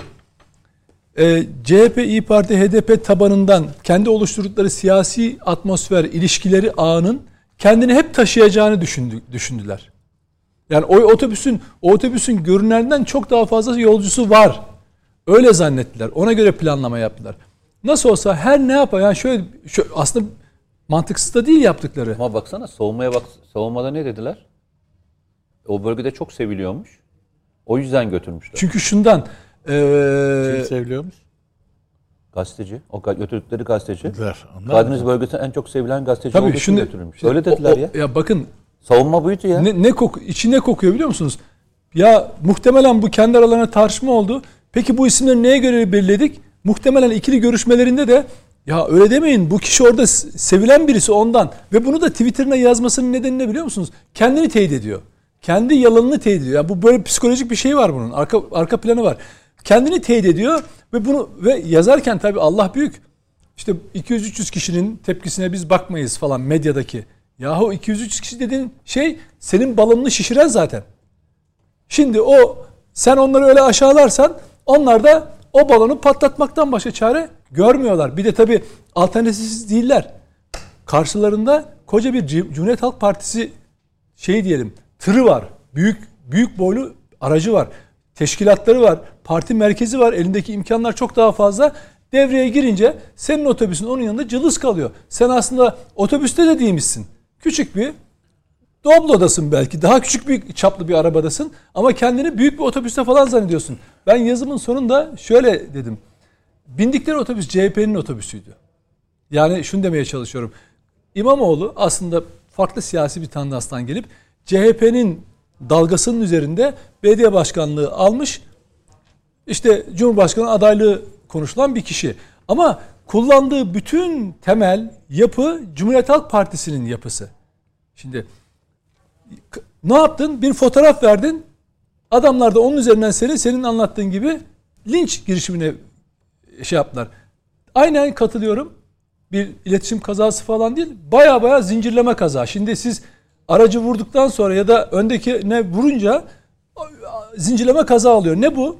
Siz bu fotoğrafı verdikten sonra basın sözcünüz e, sizi destekleyen kitleyi aşağıladı. Siz çıktınız ona e, ne dedi? Tırıs, vız gelir tırıs gider dedi. Diğerlerine özür dilemiyorum dedi. İletişim kazası zincirleme ölümcül kazaya dönüştü. Peki o araç ya da minibüs ya da otobüs diyelim hasar aldı mı? Tabii ki aldı. Cumhuriyet Halk Partisi'nin nihayetinde belediye başkanı değil mi? Hasar alan aracın içinde olan kişi ve Cumhuriyet Halk Partisi'nin aracı. Yani temeli ona oturuyor. Cumhuriyet Halk Partisi köklü bir kuruluş. Ee, kaskosu vardır. Aracın hasarını alır. Giderilir. Yoluna devam eder. Bu Cumhuriyet Halk Partisi 100 yıllık partiden bahsediyoruz. Ama İmamoğlu aldığı hasarı giderebilir mi? Yaraları iyileştirebilir mi? İşte o çok zor. Dolayısıyla bunun ka- şeyin İmamoğlu'nun buradan çıkıp da işte yarasını böylesini düzeltecek falan değil diye toplama şansı yok. Yani bunun karşı hamlesi yapma imkanı çok zor. Zor. Ni- nihayetinde bakın e, Cumhuriyet Halk e, e, Partisi'nin sözcüsü Faik Öztürk Gezi'den haberimiz var. Tabii ki haberim var çünkü adamlar duyurdular zaten. Yani haber olmaması mümkün mü genel genel merkezin? Ama diyor ki kimlerin katılacağına ile ilişkin bizim herhangi bir şey belirtmemiz söz konusu değil gibi bir açıklama. Şimdi Cumhuriyet Halk Partisi herhangi başka bir konuda kendi belediyelerine nasıl sahip çıkıyor? Hepimiz biliyoruz bir siyasi yöntemleri var değil mi? Deneyimleri var. Peki burada herhangi bir e, Ekrem İmamoğlu'nu savunan bir kişi çıktı mı? Var mı parti teşkilatlarından falan? Çünkü Cumhuriyet Halk Partisi bakın teşkilat demektir. Cumhuriyet Halk Partisi il ilçe örgütleri demektir. Şimdi oralara hakim olduğunuz zaman genel merkeze rahat edersiniz. İlçelere başkan olarak rahat edersiniz. Cumhuriyet mesela Cum e, AKP'ye bakarsanız Cumhuriyet şey e, Cumhurbaşkanı Erdoğan'ı görürsünüz. Erdoğan olmazsa AKP diye bir parti olmaz. Öyle değil mi Üstad? Ali Bey. Evet evet yani öyle. Ama Çok önemli bir kişiliği ama, var tabii. Ama ama Kılıçdaroğlu'nu alın Cumhuriyet Halk Partisi'nden herhangi bir üyeyi genel başkan yapabilirsiniz. Ve yönetir de ha. Çünkü partinin e, Atatürk zamanından gelen ilkeleri belli. Yani bir Cumhuriyet Halk Partisi klasiği nedir bilinir. Kurumsal bir şey yapısı vardır. Bilinir yani. Ha e, hükümet olur mu olmaz mı ayrı bir şey ama o parti kurumsal kimliğini korur. Dolayısıyla İmamoğlu'nun buna karşı direnme, mücadele etme, bir daha Kılıçdaroğlu'na karşı dolaylı veya doğrudan herhangi bir şekilde örtülü açık e, bir aksiyona girmesi, karşı hamle yapması çok zor. Peki. Bugün e, Can Atak'la çoğu zaman söylediklerini her seferinde e, şey yapar, tersini de söyler, ertesi gün hemen düzeltir, e, yalpalar. Ama e, ilginç bir şey söylüyor. Diyor ki sen diyor e, şeyi e, belediye başkanlığını korumaya çalış. Sen bırak Cumhurbaşkanlığı artık senin hayal. Buna giremezsin. E, se, eğer koruyabilirsen şu anda belediye başkanlığını e, koru. Bir sonraki seçimde de olabiliyorsan yine aday ol ki olamayacağını da söylüyor zaten. Dolayısıyla evet, vites onun için artık evet. hani kahramanın yolculuğu diye Necati Özkan'ın kitabına referans vermiştim ya. Yani aslında kendi yarattıkları tırnak içindeki kahramanın sonunu izliyoruz hep beraber. İncil e, deminden e, Hazreti Ömer'den hikaye şey anlatmıştım. E, bir e, sö, sö, e, akt, e, ifadeyi. İncil'de de bir şey vardır. E, değil mi? Kılıçla yaşayan kılıçla ölür diye. Hı hı. Siz PR'la geldiyseniz %14'lük bir tanınma oranından %98-96'lara ulaşmış ve bunu da bir kampanya makinesiyle kamp kendileri söylüyor kampanya makinesiyle yaptık biz bunu. Bir imaj yarattık. Altı boştu. Bir balondu şişirdik. Herkesin görünür, gördüğü bir balon haline geldik. Dolayısıyla nasıl geldiyseniz siyasete aynen öyle gidiyorsunuz. İşte Peki. İmamoğlu bunun çok tipik örneği. Dolayısıyla Necati Özkan bundan sonra bu kahramanın sonunu e, yolculuğunu değil sonunu artık kitaplaştırabilir ya da başkası. Sayın Öztürk Yılmaz e, balon patladıysa şayet bu cephede e, patladığıyla mı kalacak size göre yoksa yeni balon şişirme girişimlerini biz hangi şekilde göreceğiz? Yani ben demek ki bıraktığım yerden devam edeyim. Ee, şimdi ne dedim? Sayın Kılıçdaroğlu e, Sayın Erdoğan'a çalışıyordu. Veya Sayın Erdoğan Kılıçdaroğlu'nu orada bir şekilde kullanıyor. Ee, ve istediklerini partiden attırıyor, istediklerini sindiriyor. ve burada bir bir büyük bir oyun oynanıyor. Diğer taraftan da partide dışarının da e, güçlü olduğu e, bir durum söz konusu. Bunların hem Kılıçdaroğlu'nun üzerinde hakimiyetleri çok e, inanılmaz var. İstedikleri zaman onlar da bastırıp bazı sonuçlar elde edebiliyorlar. Aynı zamanda İmamoğlu üzerinde de çok ciddi bir işte, tasarrufları var. Sesim geliyor mu efendim? Duyuyoruz efendim. Dolayısıyla Sayın İmamoğlu'nun e, bu dışarının e, vermiş olduğu gazı kolay kolay geçeceği e, bir durum söz konusu olmayacak gibi.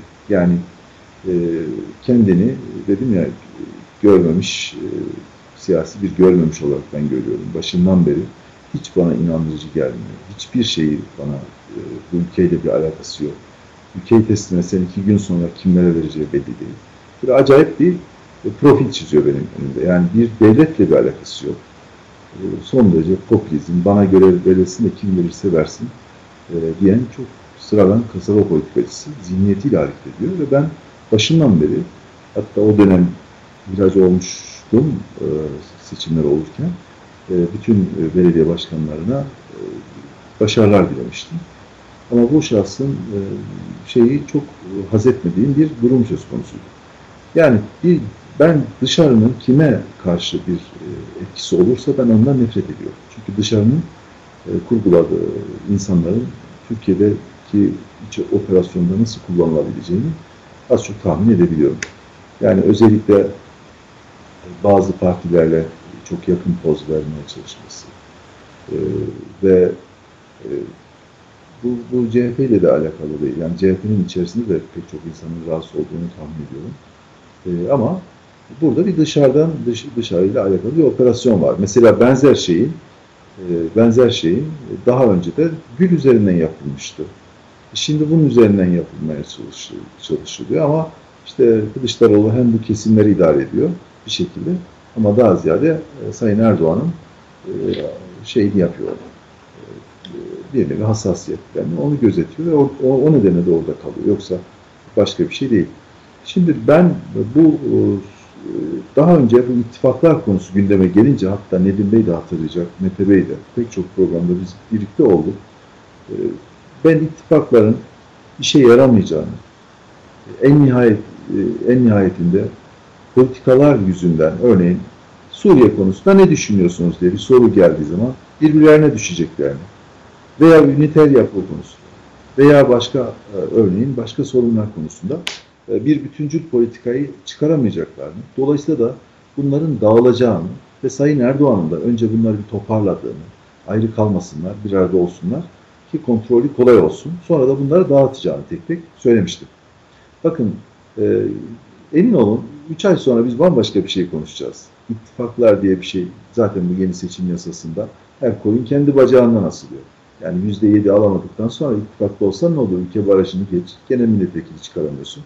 E, dolayısıyla yeni bir senaryo çıkacaktır. Yani sonbahara doğru Türkiye'nin önünde farklı kişiler, farklı gruplar, farklı çıkarlar, farklı eksenler ister istemez çıkacaktır. Ve ben Sayın Erdoğan'ın da Kılıçdaroğlu üzerinde sürdürdüğü bu kontrol etme politikasını başaramayacağını ve toplumun bir arada yani Kılıçdaroğlu bunu, üzerinden... Bunu, çok tekrarladınız bugün. Daha önce de söylediğinizi hatırladım şimdi Sayın Yılmaz ama bu CHP seçmeni açısından da rencide edici bir şey değil mi sizin e, yani biliyorlar onlar. İsnadınız onlar, diyelim.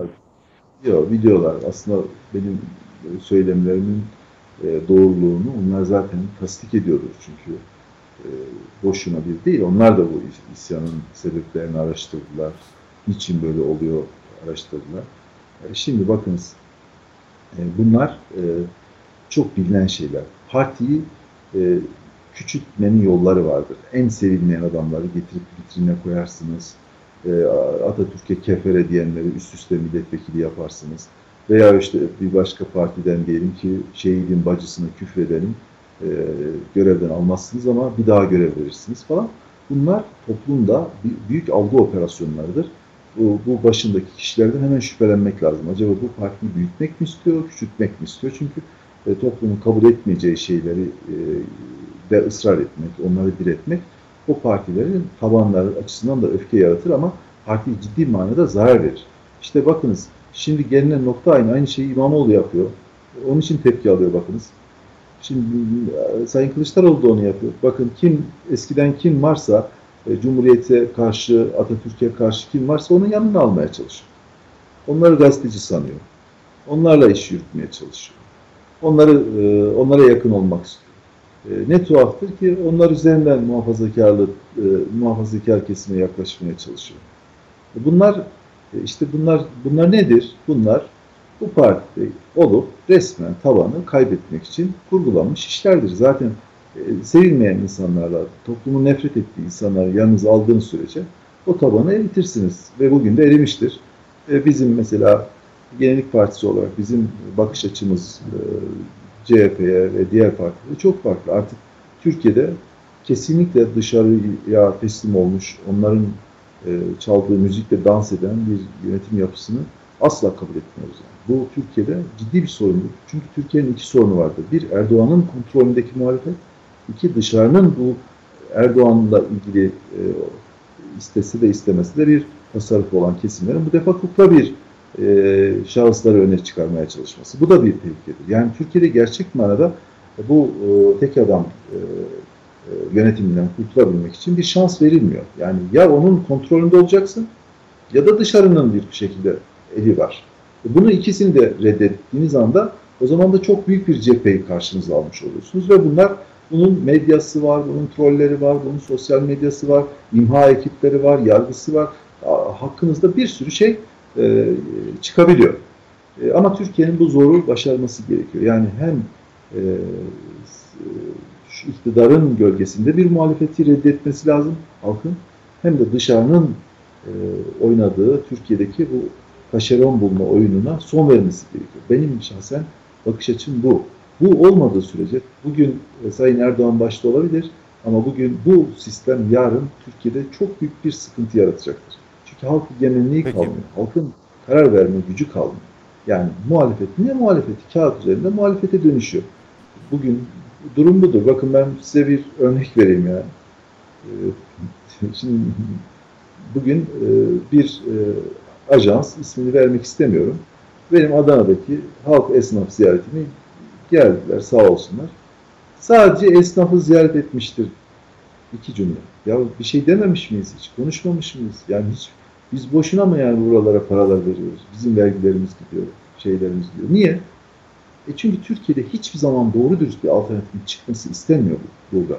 İşte bunu yardığı zaman Türk milleti yani e, hem iktidarın gölgesinde bir muhalefeti reddedecek, bunu da e, hakkı olduğu için isteyecek, hem de dışarının Türkiye'de oynamak istediği kukla muhalefet veya işte taşeron kişiler oyununa son verecek başka yol yok.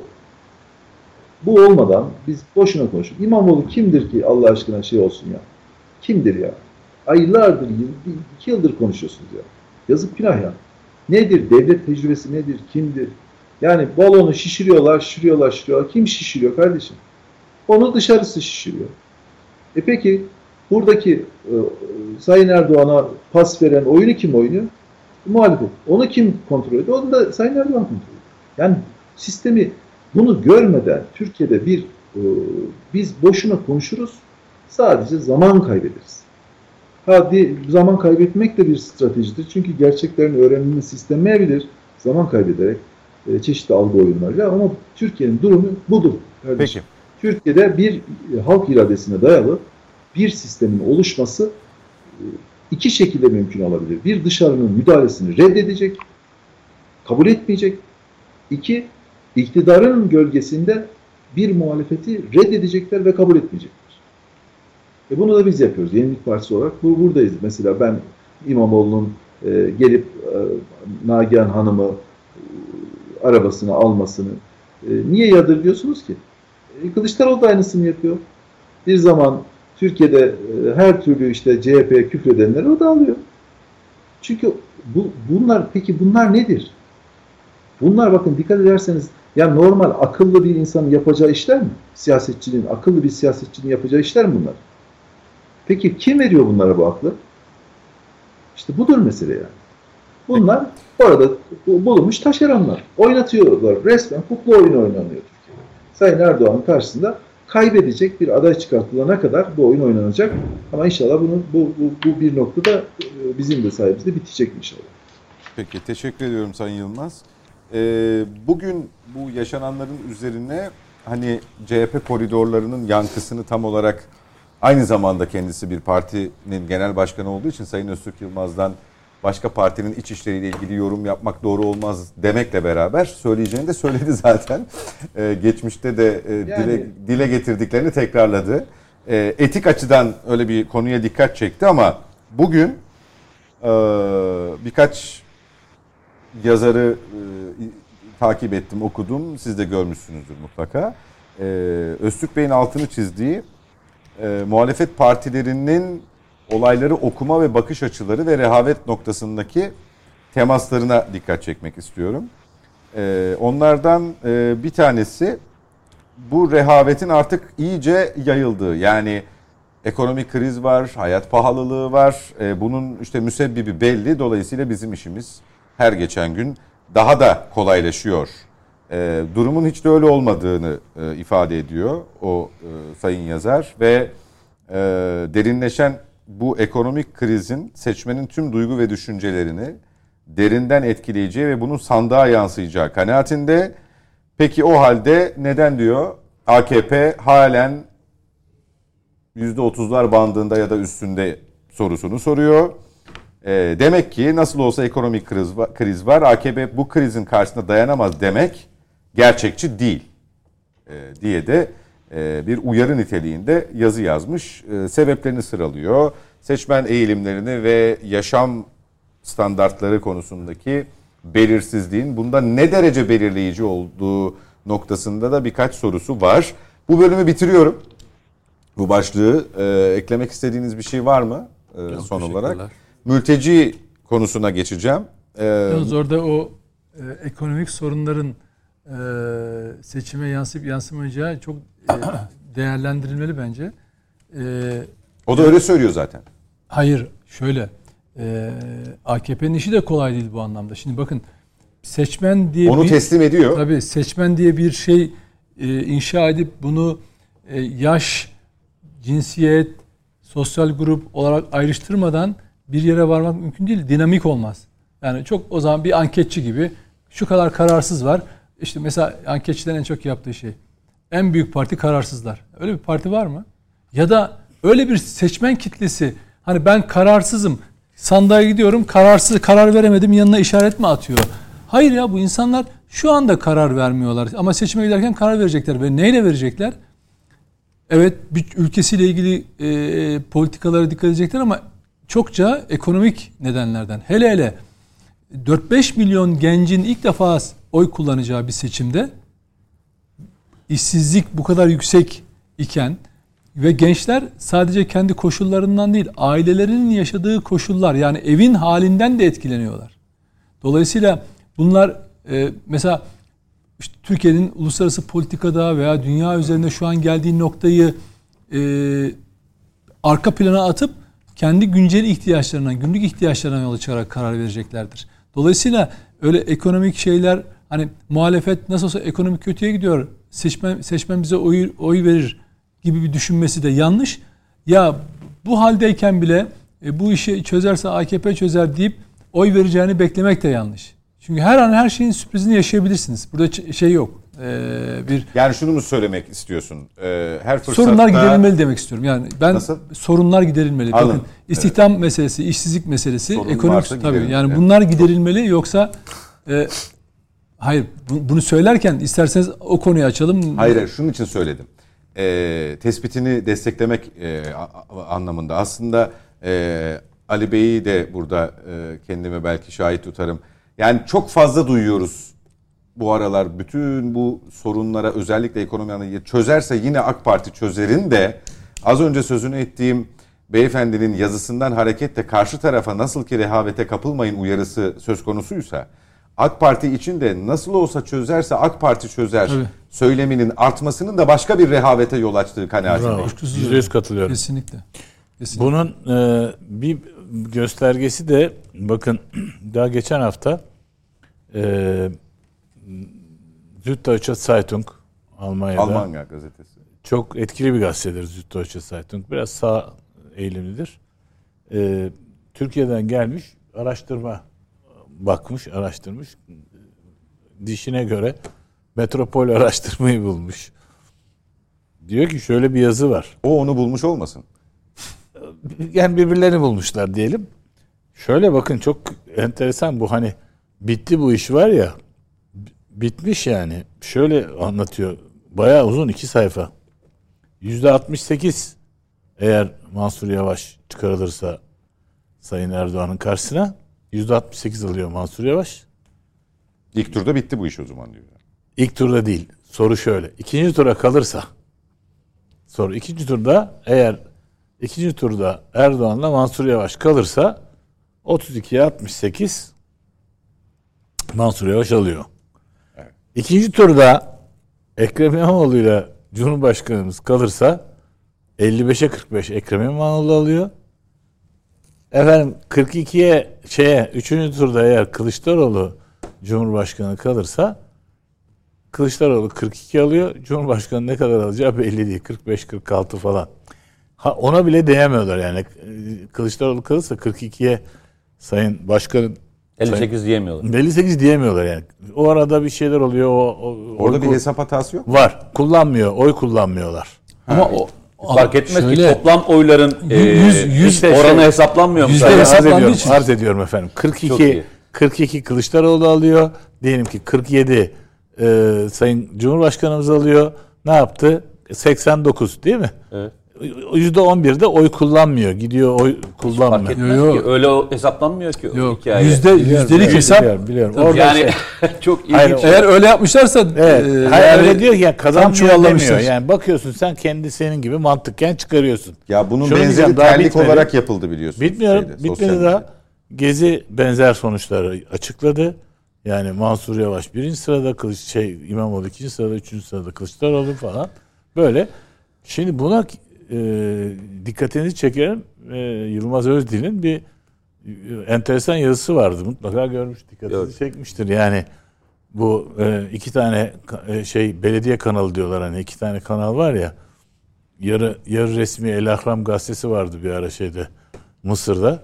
Hani yarı resmi yarı Başka yerde de Pravda vardı. Pravda evet öbür tarafta da. Onun gibi bir şey bunlar. Belediye televizyonu diye belediye kanal dedikleri o iki kanala bakacak olursanız zaten bitmiş. Yani o iş sayın genel sayın başkan da aynı şekilde sıklıkla uyarıyor. Yani bu böyle bir hava yaratılma ve sizin de buyurduğunuz gibi rehavet ortamının karşılıklı bir rehavet durumu. Hele şu anda yani işte e, başkanlık e, e, Cumhurbaşkanlığı adaylığı konusunda ortadaki e, karmaşık durum e, muhalefet cephesinde o bunlar çıkaramıyor diye AK Parti nasılsa problemleri de çözer. Bu iş o bitti. Öbür tarafta bu iş bitti diyor. Bu tarafta bu iş bitiyor. Daha bir sene var.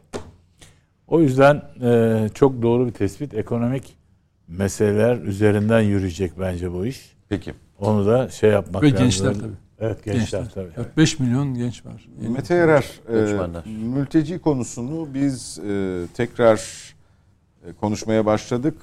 Benzer manipülatif, provokatif açıklamalarla ama e, bu açıklamaların çoğu hani manipülasyon ve provokasyondan kastım biraz rakamlar ve bilgiler üzerinden.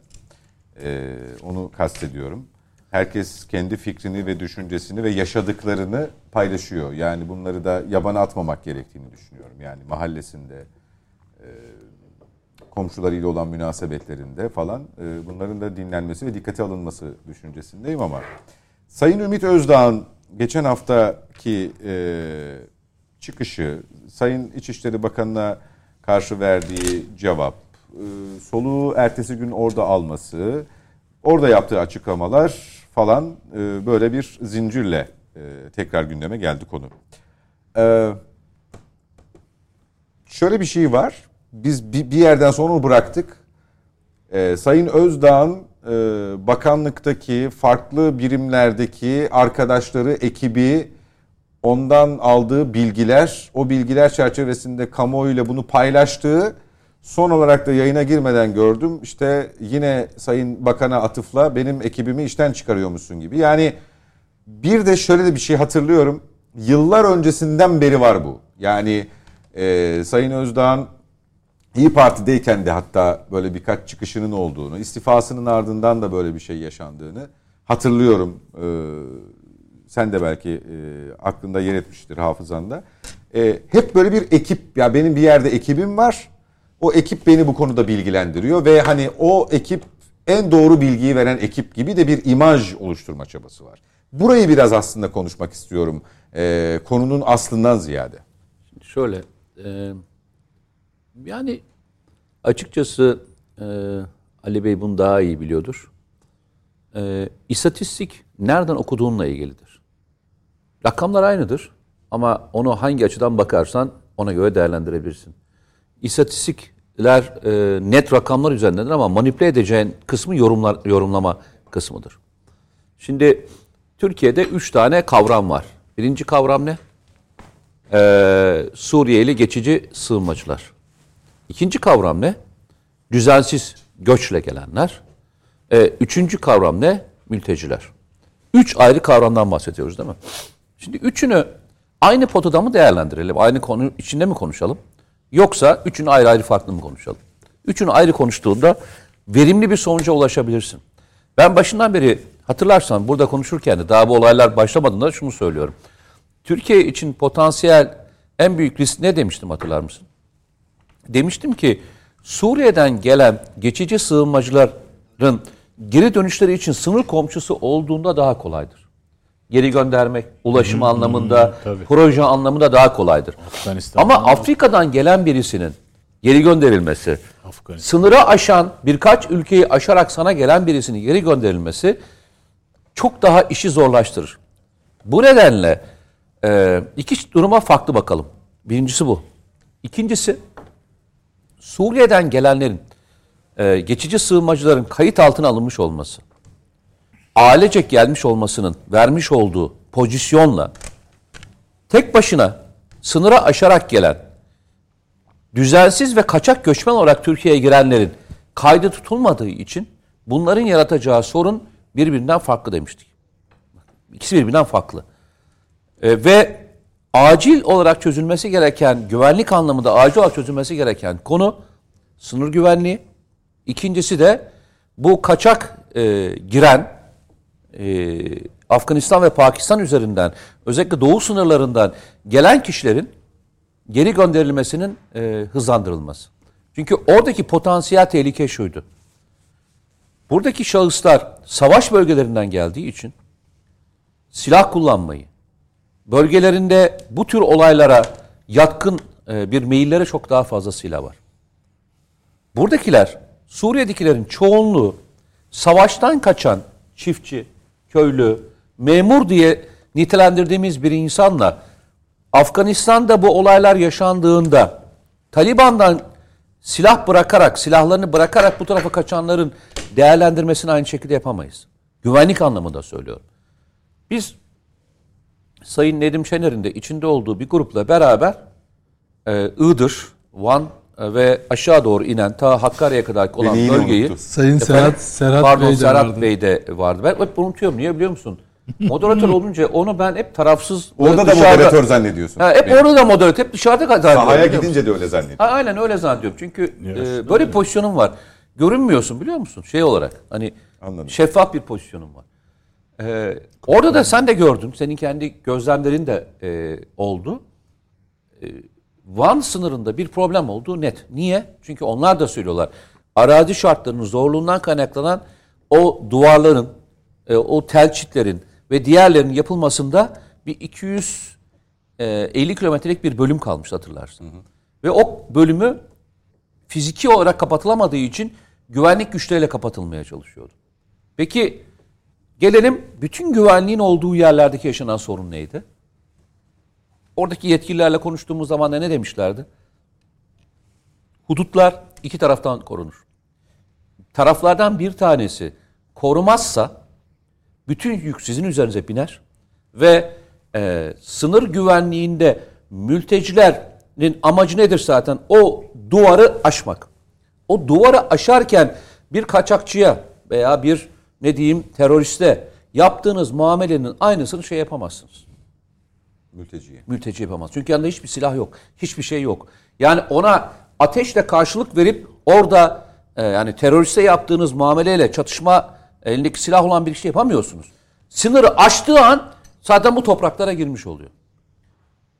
Bu nedenle işin zor kısmı onu orada yakalamakta hatırlarsan. Ona göre bir e, sistem kurmaya çalışıyorlar. Bunun kolay olduğunu kimse söylemedi zaten. Ve rakamlara baktığınızda da geçmişte şöyle bir karşılaştırma yapılıyor. Ben her defasında buna üzülüyorum. Ee, geçmiş değerlendirme yaparken geçmişte terörle mücadele zayıftı, bugün çok kuvvetli. Ya ar- arkadaşlar o zamanki teknolojik imkanlarla bugünkü teknolojik imkanlar birbirinin aynısı değil tabii ki. Otomatikman birbirinden farklı bir e, e, tedbirler olacaktır. O zaman Türkiye'nin savunma sanayiyle bugünkü savunma sanayi tabii ki bir değil. Farklı olacaktır. Şartları kendi konjüktüründe ve kendi teknolojik dönemiyle karşılaştırmak lazım. Bu dönemde de en büyük sıkıntılardan bir tanesine hiç olmadığı kadar sınırlarımızda biriken bir mülteci yığını var. Yani Türkiye'nin en büyük karşılaştığı e, mülteci yığ, yığınaklanması ne zaman olmuş hatırlıyor musunuz? Özal döneminde e, Saddam'ın e, Kürt bölgesel Kuveyt. yönetimine bölgesine doğru yaptığı hamleler dolayısıyla yaklaşık 600 bin kişilik bir kişi bizim sınırlarımıza geldiğinde Türkiye ayağa kalkmıştı hatırlıyor musunuz? Tabii canım. 600 bin kişiden bahsediyoruz. Bugünkü rakam ne kadar? Farklı bölgelerde Türkiye'ye geçmek için bekleyen veya bu tarafa doğru yönelmiş olan e, herkesin söylediği bir rakam var. Bunu şey de söylüyor. Savunma Bakanlığı da söylüyor, İçişleri Bakanlığı da söylüyor. Yaklaşık 8 milyon. 8 milyon kişi Türkiye'ye veya Türkiye'yi geçerek başka bir bölgeye doğru gitmeye çalışıyor. 8 milyon insanın geçmişte böyle bir sınırımıza yıldığı bir dönem hatırlıyor musunuz? Ben hatırlamıyorum. O yüzden bu dönem zor bir dönem. Yani dünyada e, Irak diye bir devlet kalmadı. Suriye diye bir devlet kalmadı. Afganistan diye zaten bir devlet kalmadı. Pakistan'ın durumu belli. E, o co- coğrafyanın içinde yaşanan sorunlar da belli. Ve bölgeye doğru müthiş bir şey akımı var. Mülteci akımı var. Dünyanın şu andaki en önemli konuştuğu konu. Türkiye bunun tam göbeğinde yer alıyor. Çünkü bütün hani o eskiden de vardı ya göç yolları diye. Türkiye göç yolları ya. Hani e, geçmişte de tarihe baktığınızda bu yollar hep bu, bu şekilde gelmiş. Yapılması gerekenlerden bir tanesine bu işi siyaset ötesine alıp hep ben diyorum yani bu AK Parti'nin sorunu şöyle sorunu.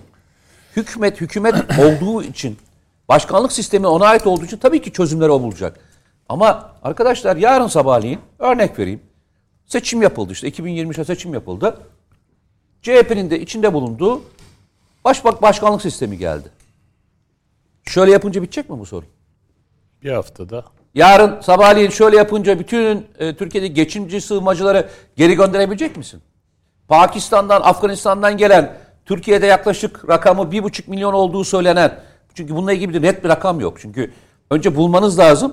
Onları kayıt altına almanız lazım. Almadığınız müddetçe bu bir afaki rakam olarak dönüşüyor. Bir buçuk milyon kişiyi alıp geriye e, e, göndermekle ilgili durumu nasıl belirleyeceksiniz?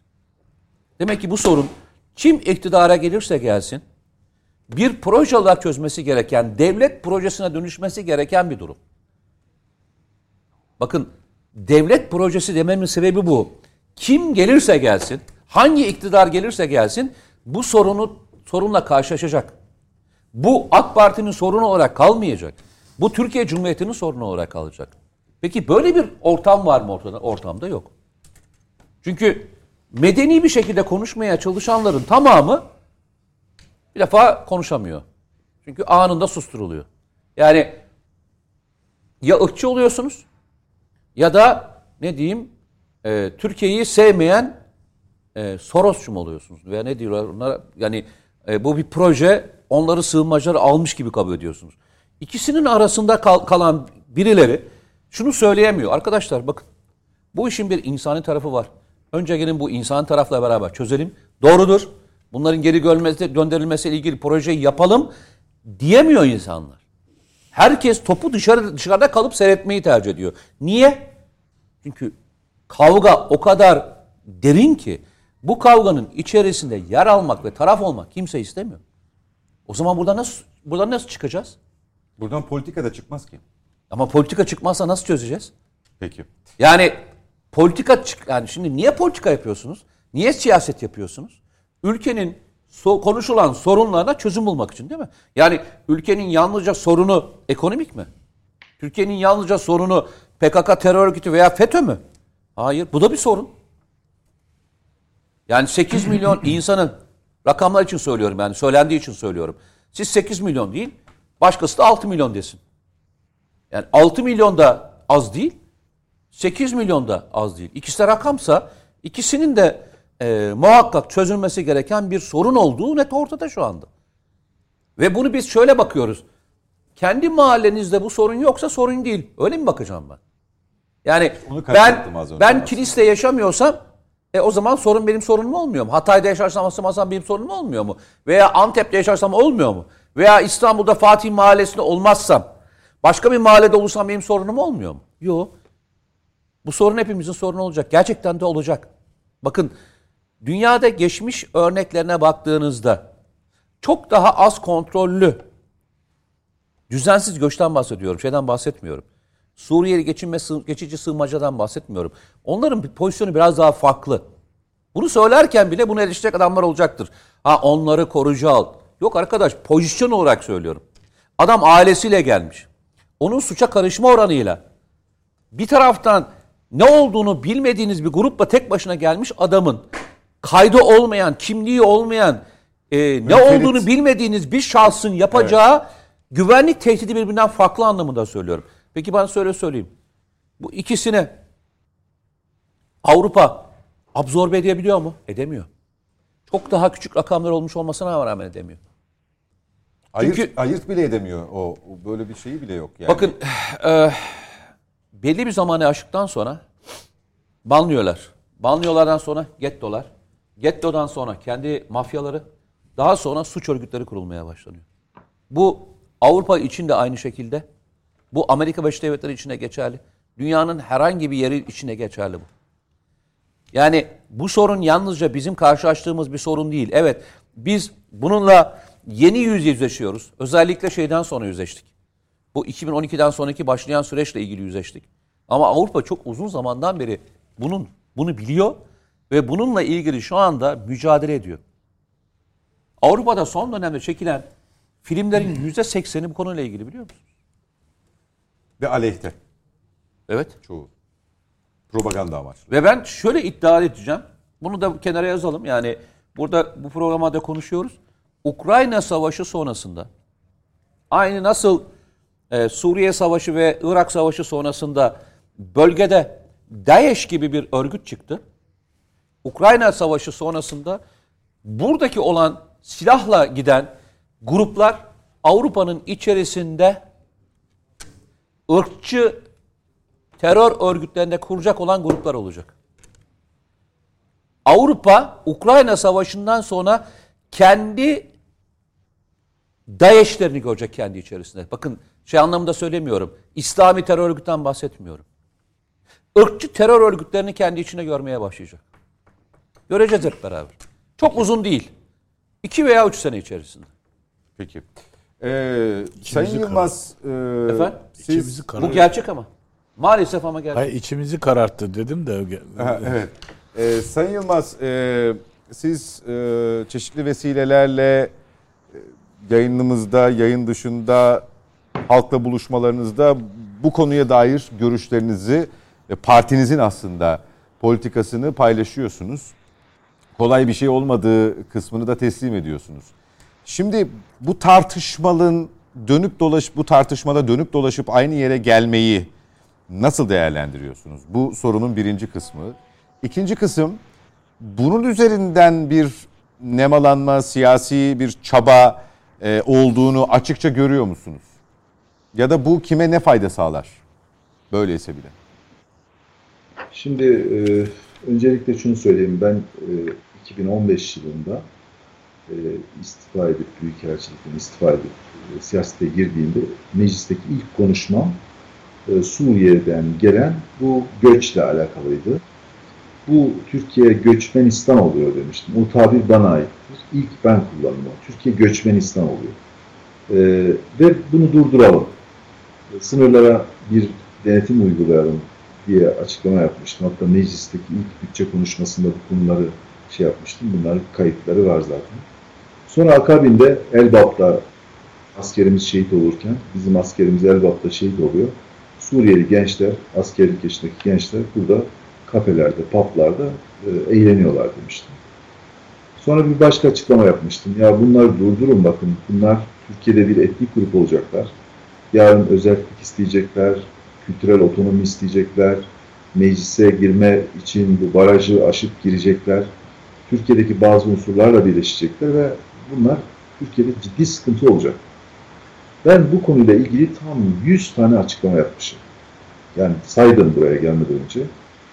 2015'ten başlayarak 100 tane açıklama yapmışım.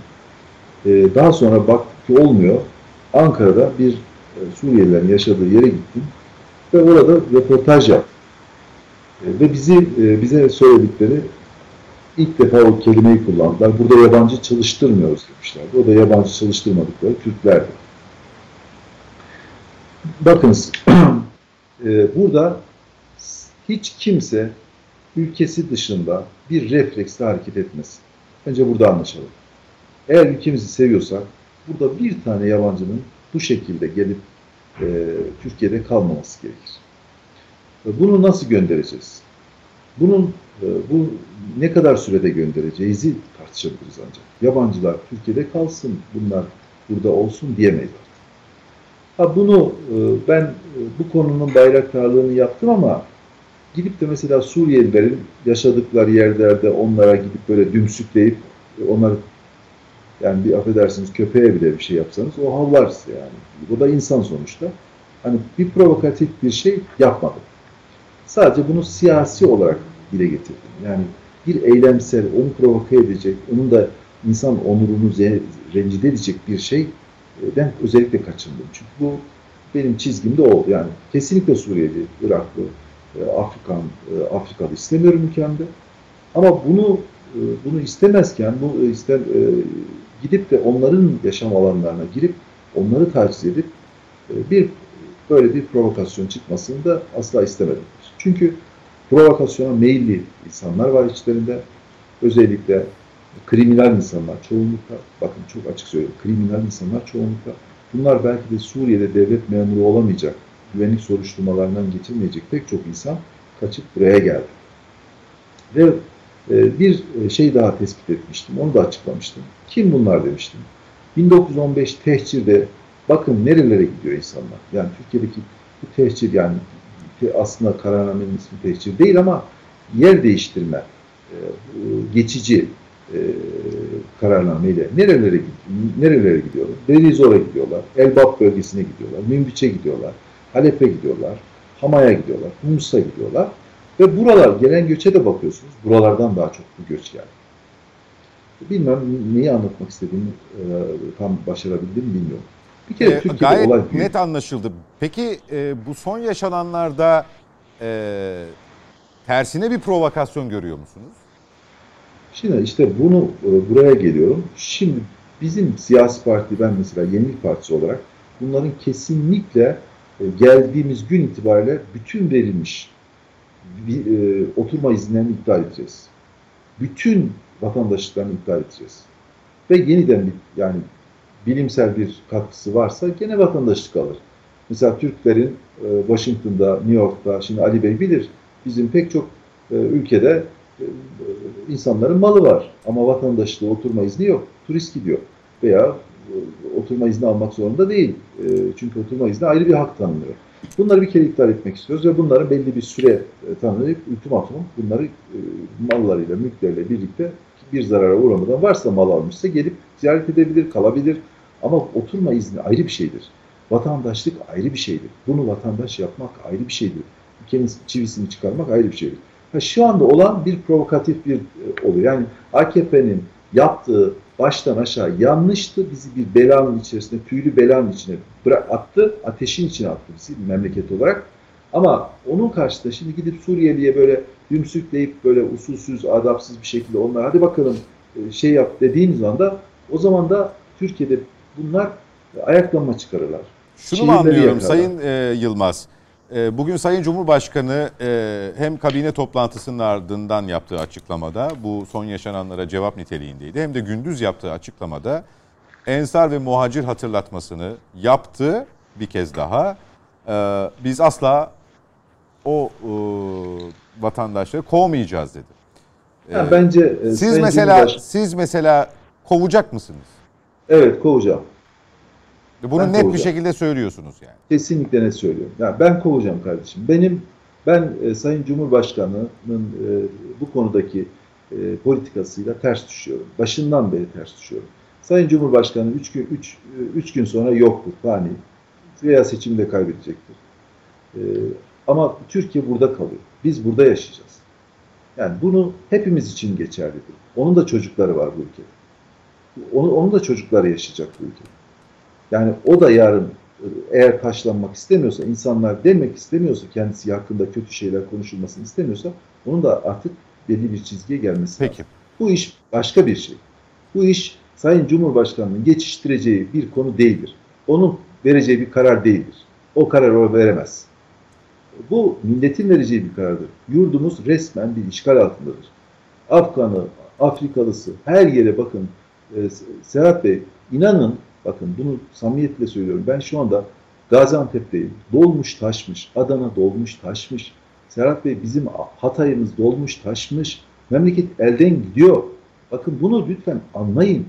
Ben provokatif olan insanları e, doğru bulmuyorum. Yani bir bir insan hükümete gelmeden böyle işte e, onları böyle kışkırtacak, Türkiye'de olaylar, taşkınlıklar çıkartacak işleri asla istemem. Yani kendi ülkemin en ufak bir camının çerçevesinin inmesine asla gönlüm razı olmaz. Ben öyle bir siyaset batsın istemem. Ama e, yalnız kabul edelim ki Türkiye'de hiç normalde sizin bile gitmediğiniz kasabalarda, küçük kasabalara e, girmişler. Tarım arazileri alıyorlar. E, Türkiye'nin emlağı gidiyor. Türkiye'nin e, bütün konutlar gidiyor ya. Şu anda Gaziantep'teyim. E, il başkanlığımızdayım. Bana dedim en büyük sorunu söyleyebilir misiniz? Konut dedim. Kiralar 3000 TL'den aşağı kira yok. Ve konut yapılmıyor. Şimdi kardeşim bu, bu memleket bizim ya. Cumhurbaşkanının değil. Ya yarın Cumhurbaşkanı yok. Onun çocukları yok mu? Onun ailesi yok mu? Onun torunları olmayacak mı? Bu memleket hepimizin değil mi? Niye burada hassasiyet gö e, göstermiyoruz biz? Niye alalım? Niye? Ben ensar olmak istemiyorum. Ben muhacir olmak, e, ensar olmak istemiyorum ya. Ben istemiyorum ensar olmak. Ben ensar değilim. Netim ben. Yani kendi ülkemde yabancı istemiyorum. Ha nasıl olabilir? Bilimsel bir katkısı olabilir. E, ondan sonra bir büyük bir iş adamı olabilir. Eyvallah gelsin oturma izni al, alsın. Ama bu kadar kolay. Bunlar kimdir ya? Kamyonlarla geldi. Bakın normal bir ülkede sınırları bekleyen bir e, savunma bakanı e, bundan hesap verirdi. E, içeride bu vizeler nasıl oturma izinleri Toparlayalım nasıl Sayın dağıtılıyor? Yılmaz. Bir, e, İçişleri Bakanı hesap verirdi. E, Dışişleri Bakanı bu kadar kolay vize nasıl veriliyor Türkiye'ye gelip gitmiyorlar? Hesap verirdi. Ve Sayın Cumhurbaşkanı icranın başı olarak hesap verirdi. Ama bunların hiçbiri olmadı. Biz bizi söyleyeni de yok bilmem sen faşistsin, yok bilmem şusun. Ya kardeşim bu Çanakkale'yi övüyorsunuz ya, Kurtuluş Savaşı'nı övüyorsunuz ya. E bu insanlar işte aha bu bizim gösterdiğimiz hassasiyeti gösterdiği için bugün övülüyorlar. Yoksa onlar da üzerine yatarlar. Biz de Peki. yatalım. Biz zaten o zaman bırakalım gitsin, gelen gelsin. İstanbul'da benim emlakım yok ki, benim bir tane yerim yok ki, bir tane bir metrekare arazim yok ki. Benim Ankara'da bir evim var, başka hiçbir yerde bir şeyim yok. E şimdi bu memlekete bir sahip çıkmak gerekmez mi kardeşim? Yani bu, bu kadar yol geçen ana değil ki. Onun için toparlayacağız. Irkçılığa hayır. Faşizme hayır. Göçmen dövmesine veya onları kışkırtmaya hayır. Bakın. Ama hiçbir göçmen istemiyorum. Peki. Ee, işgal altında olduğunu düşünüyor musunuz memleketin? Bir. İki. Kovmakla kovmamak arasında bir yol yok mu? Bu yol Mete Yarar'ın söylediği sağlıklı bir politika üretmekten geçmiyor mu? Soruyor musunuz? Yok, Bitti soru, tabii yani Peki. soru gibi gelmedi herhalde mi? Evet sor. Tespit gibi geldi. Şimdi bu soruyu yanıtlamak için şöyle bir genel duruma bakmak lazım. Yani faşizm nedir yani? Değil mi? Faşizm değil diyor Sayın Vekil de Genel Başkan. Şimdi bakalım dünyadaki duruma. Yani Amerika Birleşik Devletleri Espaniklerle boğuşmuyor mu yani? Meksika'dan gelenler, e, diğer Güney Amerika ülkelerinden gelenler, o sınırları adam o, problemi yok mu yani mülteciyle? Halit Refik'in bu e, Tek Umut Türkiye adlı bir kitabı vardır. O kitapta şeyden bahseder. Yani iki tane temel problem olacağını. Bir tanesi e, temel çelişkilerden bir tanesi zengin kuzey ile yoksul güney arasındaki çelişkiden tahta parçaların üzerine gelecekler Avrupa'ya doğru Afrika'dan diyordu kitapta. Çıktı. Yani çıktı. evet. Yıllar önce. Kaç sene? 20 sene, 15 sene önce yazdığı şeyler bunlar. İkincisi de hatta bunun yani Biliyorsunuz gurbet kuşlarıyla bunu çok iyi anlatmıştı hangi? Özge. Gurbet kuşları. Gurbet kuşları. Evet. İlk şeyi alan filmdir. Ee, Antalya Altın Portakalı. Yani ikinci temel çelişki de işte e, çevre meselesi ve de küresel ısınma iklim değişikliği. Şimdi burada e, bir bakalım yani problem Türkiye'de yüzde dört civarında yaba, yani şey sayısı. Bu işte e, sığınmacı artı e, tespit edilmiş yabancı sayısı yüzde dört. Almanya'da bu yüzde yirmi iki. İsviçre'de yüzde yirmi. Yani James Schwarzenbach denen bir faşist çıktı İsviçre'de. O zamanlar yüzde 25 civarındaydı.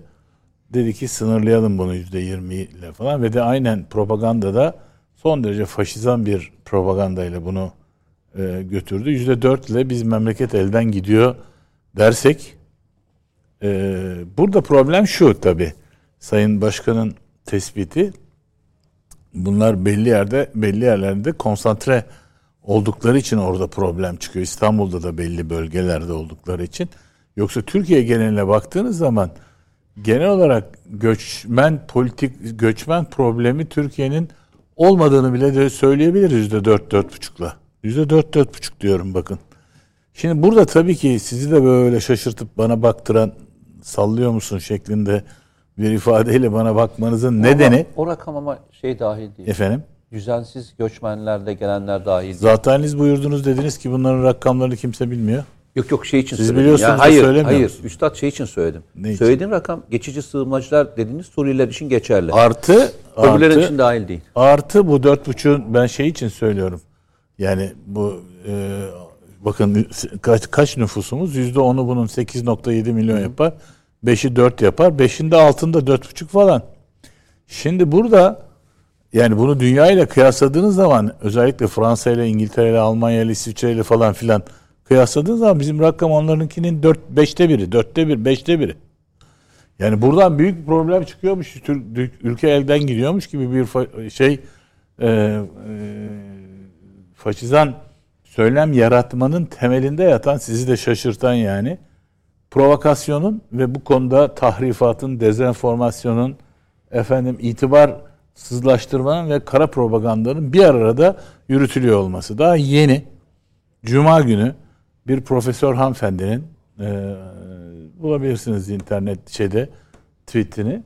Diyor ki kaynağı şu bakın profesör hanımefendinin kaynağı şu diyor ki televizyon kanallarında duyduğuma göre Türkiye'de diyor 8 milyon vatandaş var diyor.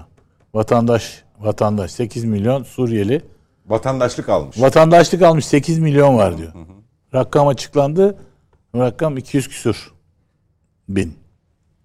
Vatandaşlık olan. 8 milyon vatandaş, Suriyeli vatandaş bunlar diyor seçimde iki- 2023 seçimlerinde e, büyük rol oynayacaklar diyor. Şimdi bu şuradaki tahrik, dezenformasyon ve tahrifatı dikkatinizi çekiyorum. Bu sadece bir tanesi. Bunun gibi yapılan yayınlarla Türkiye'de siyasi iletişim boyutunda bir olmayan bir şey varmış gibi gösteriliyor.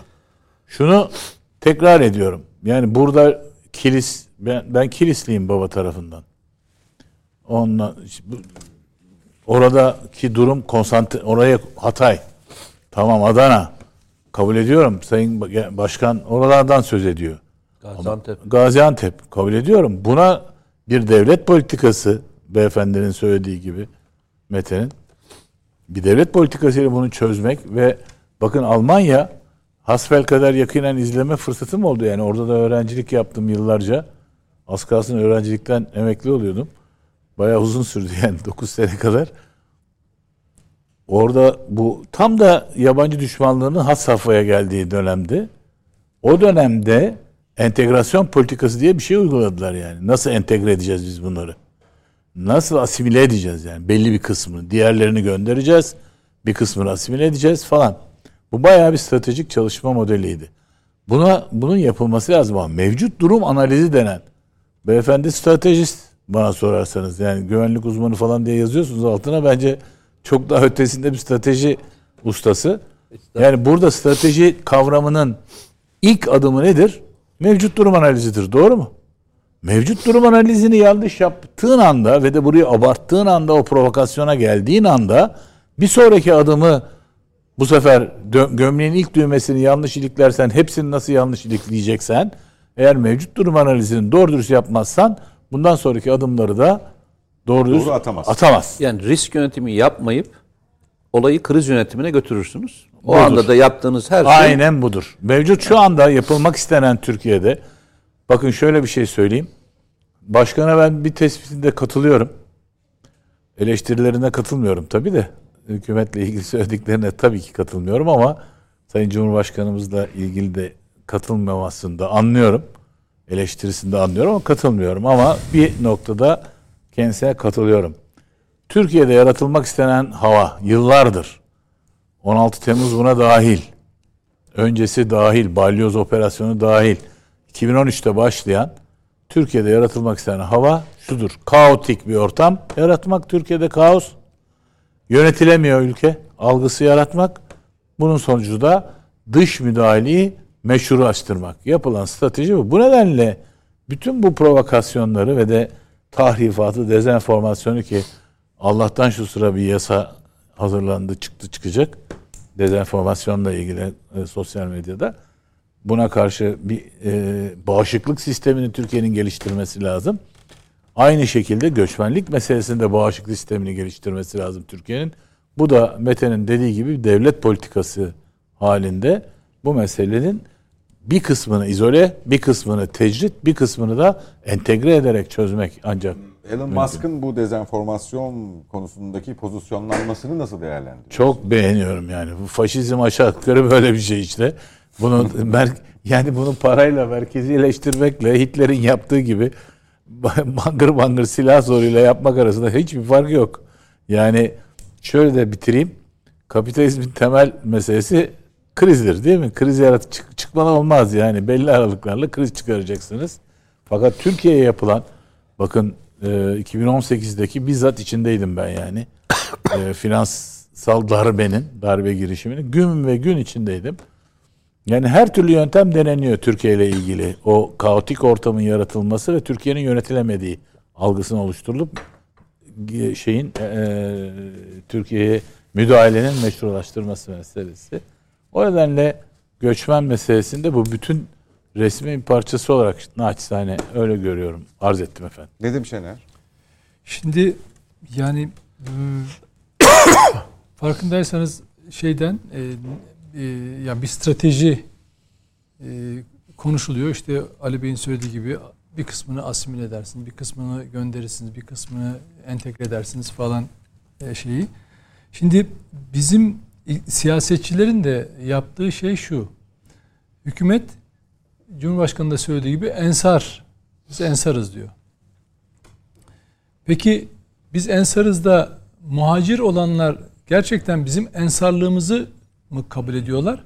Yoksa bizim üzerimizden Avrupa'ya mı gitmek istiyorlar? Yani biz durumu gerçekçi tahlil etmiyoruz. Bakın ne iktidar Bravo. ne de muhalefet asla ve asla gerçekçi tahlil etmiyor. Biliyorlar ama etmiyorlar. Nedense hem hükümet hem iktidar Avrupalıları üzmek istemiyorlar gibi geliyor bana. Çünkü bu insanların nihai olarak gitmek istedikleri yer Avrupa devletleri. Yani Türkiye'de kalmak istemiyorlar. Size İçişleri Bakanlığı'nın son açıklamasından rakamlar vereceğim. 2016'dan bu tarafa e, bir nedenle geri gönderilenler var. Yani zorla geri gönderilenler var. E, 323 bin kişi. Bir de gönüllü gidenler var. Bu hani e, operasyon bölgelerine yerleştirilen 497 bin kişi. Bakın 641 bin kişi Avrupa'ya geçmiş. Bu kayıt altında tuttuğumuz kişiler bir şekilde hep Avrupa'ya geçmişler. 641 bin kişi. Yani bu insanlar çoğunlukla Avrupa'ya gitmek istiyorlar. Peki iktidar ne diyor? Burada tuta- tutalı, tutacağız diyor. Muhalefet ne diyor? Geri göndereceğiz diyor. Dediniz ya şey arasında Türkiye'de kalsınla Kovmakla kovmamak. arasındaki bir seçenek yok mu? Var. Ama nedense bu tahlili yapıp buna bağlı gerçekçi strateji oluşturmuyorlar. Çünkü bakın bu neden zaruret? Türkiye bu insanları kabul ederken iç savaş nedeniyle uluslararası sözleşmelerle doğan yükümlülüklerinden dolayı aldı. Ve dedi ki iç savaş olan bölgelerde muhacir olanlar yani göç e, sığ, e, çıkanlar, gidenler dünyanın istediği yerine yerleşebiliyorlar. Çünkü dar bir alanda belli sayıdaki insan korunma amacıyla geçici olarak dünyanın her yerine yerleşebiliyorlar.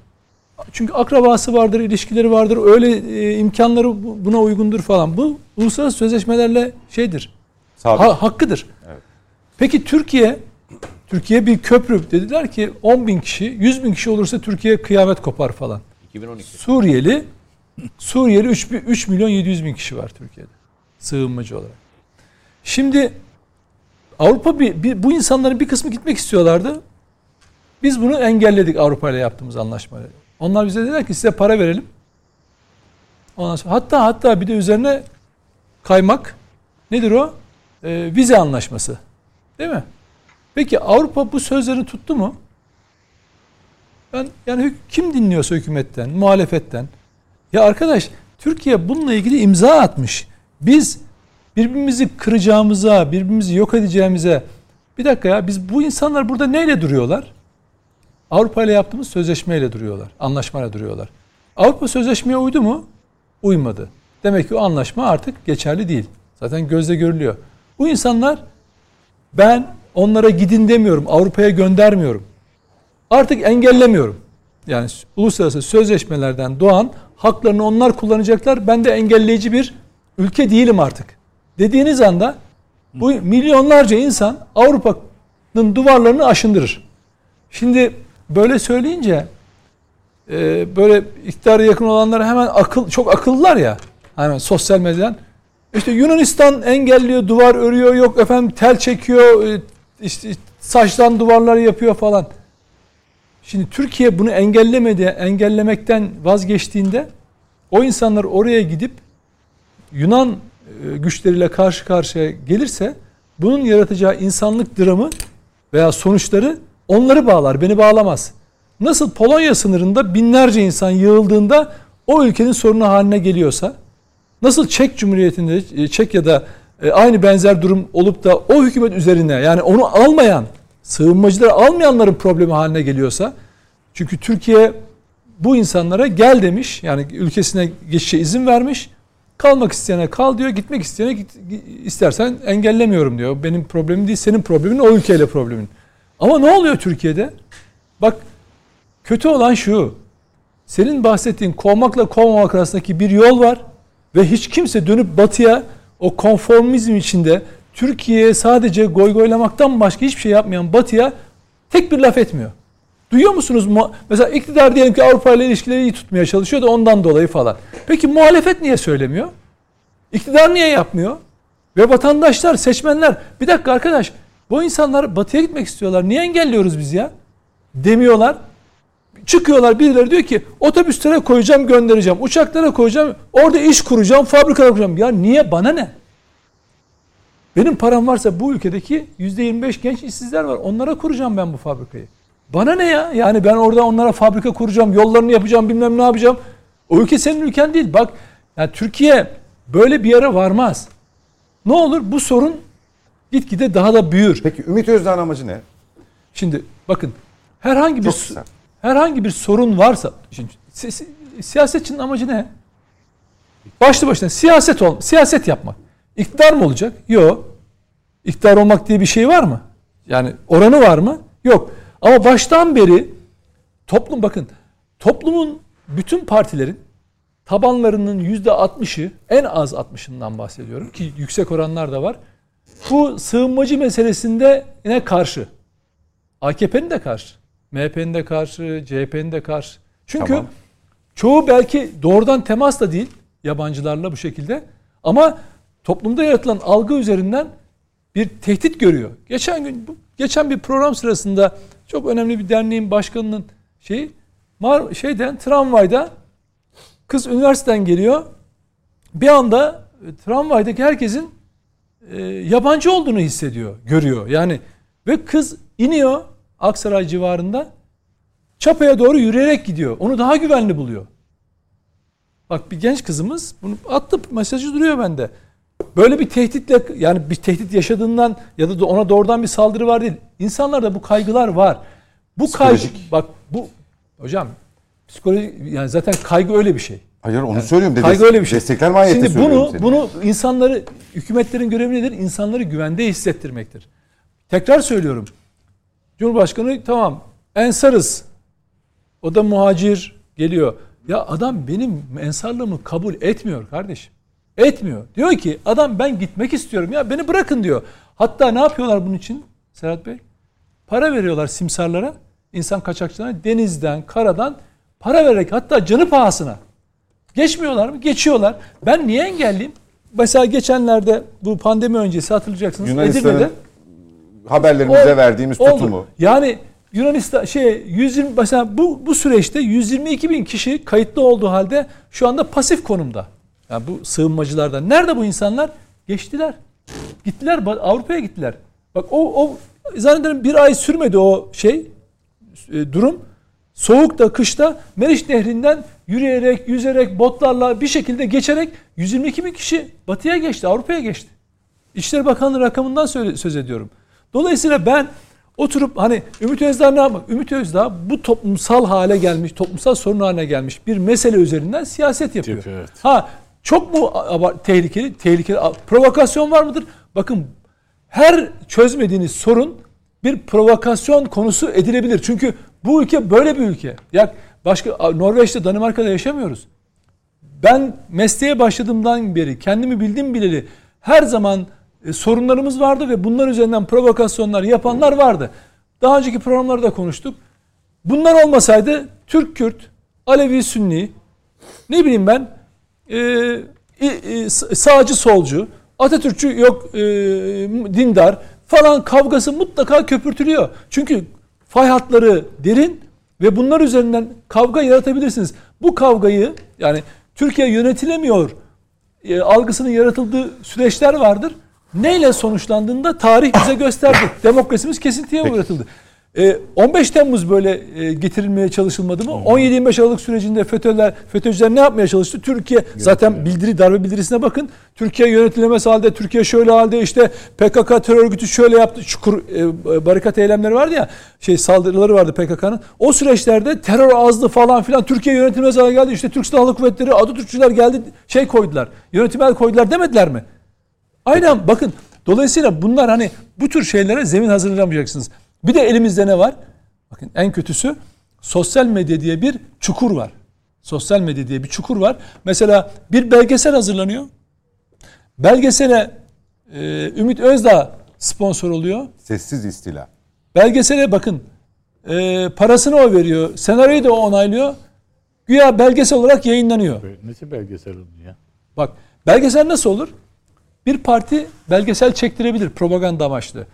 Bu bir e, distopik bir şey yapar. Kurgu işte olmaz. 2043'te dair bir senaryo çizer ve sonunda da çıkar der ki işte bakın biz olmazsak böyle bir senaryo gerçekleşebilir. Dersin ki bu tamam. Dört dörtlük parti propagandası adam ne demek istediğini daha net anlatıyor. Çarpıcı şekilde anlatıyor. Peki öyle mi olu ilerliyor?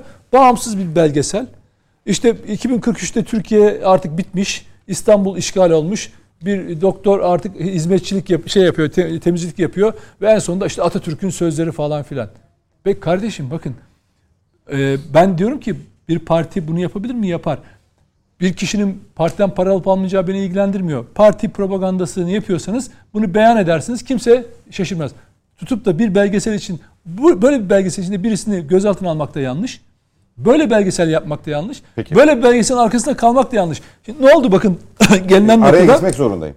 Araya gitmek zorundayım. Dönüşte onun tamam. provokasyon kısmını anlatacağım. Ee, biliyorum nasıl anlatacağını. Fark ettim o yüzden. Nereden bir reklama biliyorsun gideyim. Serhat? Nereden biliyorsun? Reklama, rekla- hayır, Hissediyor. süre olarak. Reklama gidiyorum. Hissediyor. Dönüşte senden devam edeceğim ama çok kısa olacak. Çünkü yavaş yavaş tamamlayacağız. Aranın ardından buradayız efendim. Son etaba girdik efendim net bakışta. Araya gitmeden önce Nedim Şener e, mülteciler ve provokasyon üzerinden sözlerini tamamlamak üzereydi. E, buyurunuz Nedim Bey. Şimdi İçişleri Bakanlığı sözcüsü e, açıklama yaptı bu belgeselle ilgili provokasyon tweetleri atanlar ve gerçek hesap sahipleri hakkında. Şimdi o rakamları vereyim. E, şimdi bakın bir sorun var. Şimdi insanlar şöyle değerlendiriyorlar.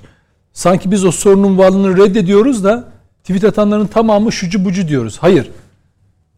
Bu işi provoke edenler var. O provokasyona takılıp Hani trollenenler var. Adı üzerinde trollenenler var. Yani bu sürü olarak bunun peşine gidiyor. Örneğin işte bir e, 2000 atıyorum 16'dan bir görüntüyü başka bir ülkede çekilmiş bir görüntüyü işte göçmenler e, sınıra doğru koşan görüntüyü sanki dün oluyormuş gibi birisi paylaşıyor. Sen de doğal olarak orada okuduğunu gerçek zannedip vay görüyor musun ülke işgal halinde bunu devlet nerede falan diye başlıyorsun yazmaya. Bu aynı zamanda bir gerçeğe işaret ediyor mu? Evet ülkedeki sığınmacı meselesi ve sorununa işaret ediyor. O insanın kaygısından dolayı bunu yapıyor. Bu iyi niyetli olarak değerlendirdiklerimiz. Şimdi dolayısıyla rakamlara baktığımızda bu belgesel hani insanları irkilten, endişeye sevk eden belgeselle ilgili gerçek hesaplar Kısa film. kısa filmle ilgili gerçek hesaplar %58 menfi yani bununla ilgili tweet atıp e, şey yapan, algı oluşan, oluşturan %58'i gerçek hesap. Bakın %58'i gerçek hesap. %41'i Baltazar. Fake. bot. Şimdi bu botlar robot yani bilgisayar üzerinden kontrol edilen bir bilgisayarın işte yüzlerce hesabı kontrol ettiği bir sistem düşünün. Zaten bot kelimesi yurttaşlar için hani robot kelimesinden gelen bir ifade. Bu bot hesapların içinde organize gruplar var. Yani FETÖ'cüler mesela bot hesaplar konusunda uzman. Dolayısıyla bu bu nedenle atılan bu provokasyon amacıyla atılan bot hesapların içinde %31'i FETÖ'cü. %12'si de PKK, KCK. Bu aşağı yukarı hatırlar mısınız? Ee, orman yangınları ile ilgili e, Help Turkey diye bir e, şey vardı. Kampanya vardı. Aşağı yukarı oranlar buna yakındı. Hemen hemen birçok olayda, toplumsal olaylarda başka örnekler de verebilirim. Aşağı yukarı FETÖ ve PKK e, unsurları başı çekiyor ve algıyı yaratıyorlar. Ve ondan sonra gerçek kullanıcılar yani yurttaşlar buna katılıyorlar. Bu rüzgara kapılıyorlar. Hatta bazıları hukuk, hukuken de başını belaya sokuyorlar. Yani çünkü niye? Öyle bir algı, öyle bir şey çıkıyor ki yani mesela atıyorum bir tek bir ağacın herhangi bir bölgede bu belediye de fark etmez.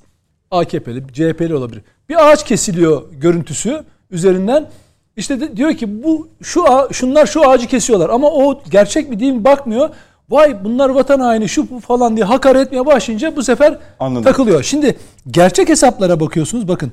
Gerçek hesaplar çoğunlukta. Bunun da içinde gerçek kimliğiyle bilinen %6 civarında FETÖ'cü var. %1 civarında da KCK, PKK var. Yani FETÖ'cüler ve şeyler operasyonel hesaplar, bot hesaplar daha çok nerede? Bo, şeyde e, bot hesaplarının arasında gömülmüş durumda. %58'den %7'yi çıkardığınız zaman %51 civarında gerçek kullanıcıya ulaşıyorsunuz. Ve bu gerçek kullanıcılar aslında hani sosyal medyayı kullanan insanlar. 100 bine yakın hesabın aşağı yukarı 50 bin civarında gerçek insan oturmuş bu belgesel üzerine bir takım şeyler yazmış. Yani diğerlerinin ağına takılmış bir takım açıklamalar yapmışlar ve e, aslında tepkilerini dile getirmişler bir anlamda. Şimdi burada onların açısından bir suçlama falan mümkün mü değil ama bakın bir kısım insan provokatör nedir? Ee, ortada bir sorun vardır. Gelir mesela işte atıyorum bir inanç grubunun veya bir siyasi düşünce sahiplerinin oturduğu bir kulüp vardır. Kahvehane vardır. İşte 12 Eylül öncesini düşünün. Sağcıların, solcuların oturduğu yerler vardı. Gelip onun kapısında bir kurşunlama yaparsın. Öyle yapıyorlardı. Gidiyor ötekiler ama. Öyle, birinin ölüp ölmemesi de e, şart değil. Hemen o kahvehanedeki bir sürü grup diğer e, yaptığını düşündüğü kişilerin kahvesine veya evine saldırıyordu değil mi? Böyle oluyordu. Provokatör bir tane çok azınlıkta ama kitleyi harekete geçirebiliyor. Şimdi Peşinden tabii sürüklemesi. siyasetçinin bu konuda bakın gerek e, Özdağ, gerek hükümet, gerek diğer muhalefet gruplarının bu konuyu düşünenlerin bizi bir kaosa ittiklerini düşünüyorum ben. Ben diyorum ki bakın iktidarın burada kalsınlar. Muhalefetin gitsinler. Gönderelim. Ya da senin dediğin gibi kovalım kovmayalım. Bağlamından çıkıp arkadaş bir dakika bizi başımıza bu belayı sokan bu belaya e, sokan Avrupa Birliği. Onunla yaptığım anlaşma. Bunu da o şartlarına uymadığı için dolayısıyla ben bu insanları tutma yükümlülüğüm ya da zorunluluğunda değilim. İsteyen istediği yere gidebilir. Bugün 3 milyon 700 bin olan e, Suriyelinin ya da 4 milyon yakın geçici, göçmen ya ne derseniz deyin insanın size söylüyorum en az yarısı en az yarısı gider. Peki, peki. Çünkü bakanlığın açıkladığı rakamlar zaten bu ülkeyi terk edenlerin e, %60'ının Avrupa'ya geçtiğini gösteriyor. Resmi rakamlar. Çözüm de bu. Niye ben e, muhacirle işte efendim geri göndereceğim, kovacağım ya da kovmayacağım arasında sıkışıp kalayım. Ama oturup bunu bakın kimse dillendirmiyor. Ama hiç kimse dillendirmiyor. Bu Ne çok tuhaf iktidar ne muhalefet. Hiç bakın ne yazarı ne çizeri. Bir dakika. Çünkü şöyle oluyor. E, almıyorlar. E, bizim anlaşmamız var.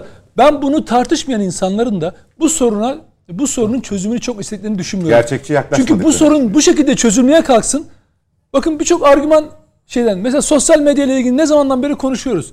Şimdi mesela geldi şimdi yeni yasa çıkacak değil mi? Çok artık Ali Bey'in de söylediği gibi.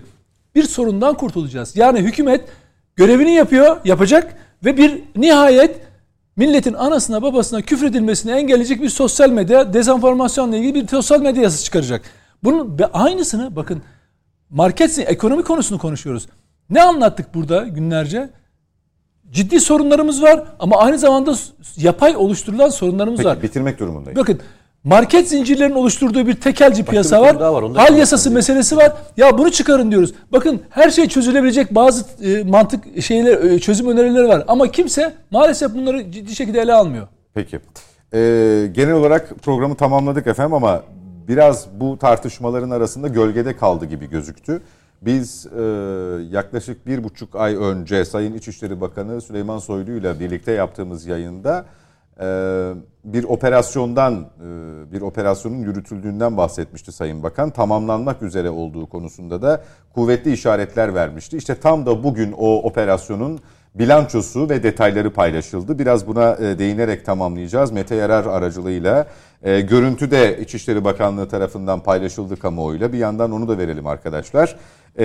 Ağrı grubu sözde sorumlusunun da aralarında bulunduğu Ağrı grubu yok edildi. 11 teröristin etkisiz hale getirildiği paylaşıldı. İşte o görüntüler de arkada ekranlara geliyor. Mete Yarar neydi bu operasyonun ehemmiyeti bu kadar e, uzun sürmesi ve dikkatli takip edilmesi? Ya şöyle söyleyeyim. e, bir defa e, Sayın Bakan bize bunu söylediğinde yerini söylememişti. E, e, ama uzun süreden beri e, jandarma tarafından yürütüldüğünü söylemişti. E, yaklaşık bugün hani okuduğum kadarıyla, e, gördüğüm kadarıyla 80 günden beri süren bir şey, faaliyet. E, terör örgütünün bölgede girip çıkış yaptığı bir mağarayı tespit ediyorlar. E, ve bu mağarayı e, daha sonra bir operasyonla, bir F-16 ile vuruyorlar. E, bölge böyle. Yani bölgeyi net olarak görebilirsiniz. E, arkasından e, vurduktan sonra şey çöküyor. Duvarlar çöküyor. Daha sonra bu bölgeye deki o mağaranın kapısının, o bölgesinin açılabilmesi ve içerideki teröristleri alabilmek adına yaklaşık bir buçuk kilometrelik o dağa yol yapılıyor. Sonra iş makineleri çıkartılıyor. İş makinalarıyla beraber binlerce ton e, şey temizleniyor. Mağaranın içine giriliyor. 100 metre derinliğine aşağı doğru inen bir mağarayla, üç katlı bir mağarayla karşılaşılıyor. Ee, ve e, içerisinde bölge sorumlusu dahil olmak üzere 11 tane teröristin etkisiz hale getirildiğinin e, net olarak tablosu ortaya çıkartılıyor. Ee, bir kez daha söyleyelim. Çok uzun süre e, giriş yapıldığı mağaradan başlayıp ta teröristlerin sonuna kadar alınabildiği kadar götürülen 11 kişinin de etkisiz hale getirildiği bir operasyondan bahsediyoruz. Ne kadar bu işin ne kadar meşakkatli olduğunu, bu işin ne kadar uzun süre sürdüğünü de bence Ne kadar ciddi alındığını da ne gösteriyor. kadar ciddi alındığını, ne kadar önemsendiğini, Hassasiyetle hassasiyetle yürütüldüğünü de e, gösteren bir e, faaliyet. Tabii bunun iki tane özelliği var. Birincisi artık terörle mücadelenin e, yeni gelişen teknolojiyle ne kadar uyumlu çalıştığı ve terör örgütünün hangi elemanın nerede olursa olsun kaçacak bir yerin olmadığında bir e, göstergesi bu. Bunu yalnızca biz izlemiyoruz. Hani biz bazen konuşuyoruz. TB2'leri, MK, Ukrayna'yı falan konuşuyoruz. Ama bugün bizim terörle mücadeledeki ana unsurumuz da e, teknolojinin kullanılması. Bunu da bir kez daha söyleyelim. Peki efendim çok teşekkür ediyorum e, tüm katılımcılarımıza, e, bizim yayınımıza lütfedip geldikleri, Estağfurullah. oldukları için. Estağfurullah. Çok keyifli E, bir Ali Bey e, dilerseniz sohbetti. önümüzdeki haftada gelebilirsiniz. Efendim bu bana bu imkanı tanıdığınız için hürmetlerimi, saygılarımı iletirken gelecek hafta da beni davet ettiğiniz için şükranlarımı bir kez daha arz edeyim efendim. Peki. Ee, Sayın Genel Başkan çok teşekkürler efendim. Ee, bu e, yoğun e, şehirler arası programınızda e, bize de yer e, ve, ve vakit ayırdığınız için sağ olunuz. Bir şey söyleyeceğim. Burada arkadaşlarımız var yaklaşık bir 50 tane arkadaşımız. İçeride sizi izliyorlar. TVNet'e saygılarını, selamlarını, ayrıca konuklara da saygılarını, selamlarını iletmemi özellikle rica ettiler. Üzerinde kalmasın. Çok teşekkür ediyorum. Biz de selam ediyoruz teşkilatınıza efendim. Kolaylıklar diliyoruz çalışmalarınızda. Önümüzdeki hafta saatler 20.45'i gösterdiğinde yeniden birlikte olmak dileğiyle efendim. Hoşçakalın, iyi geceler.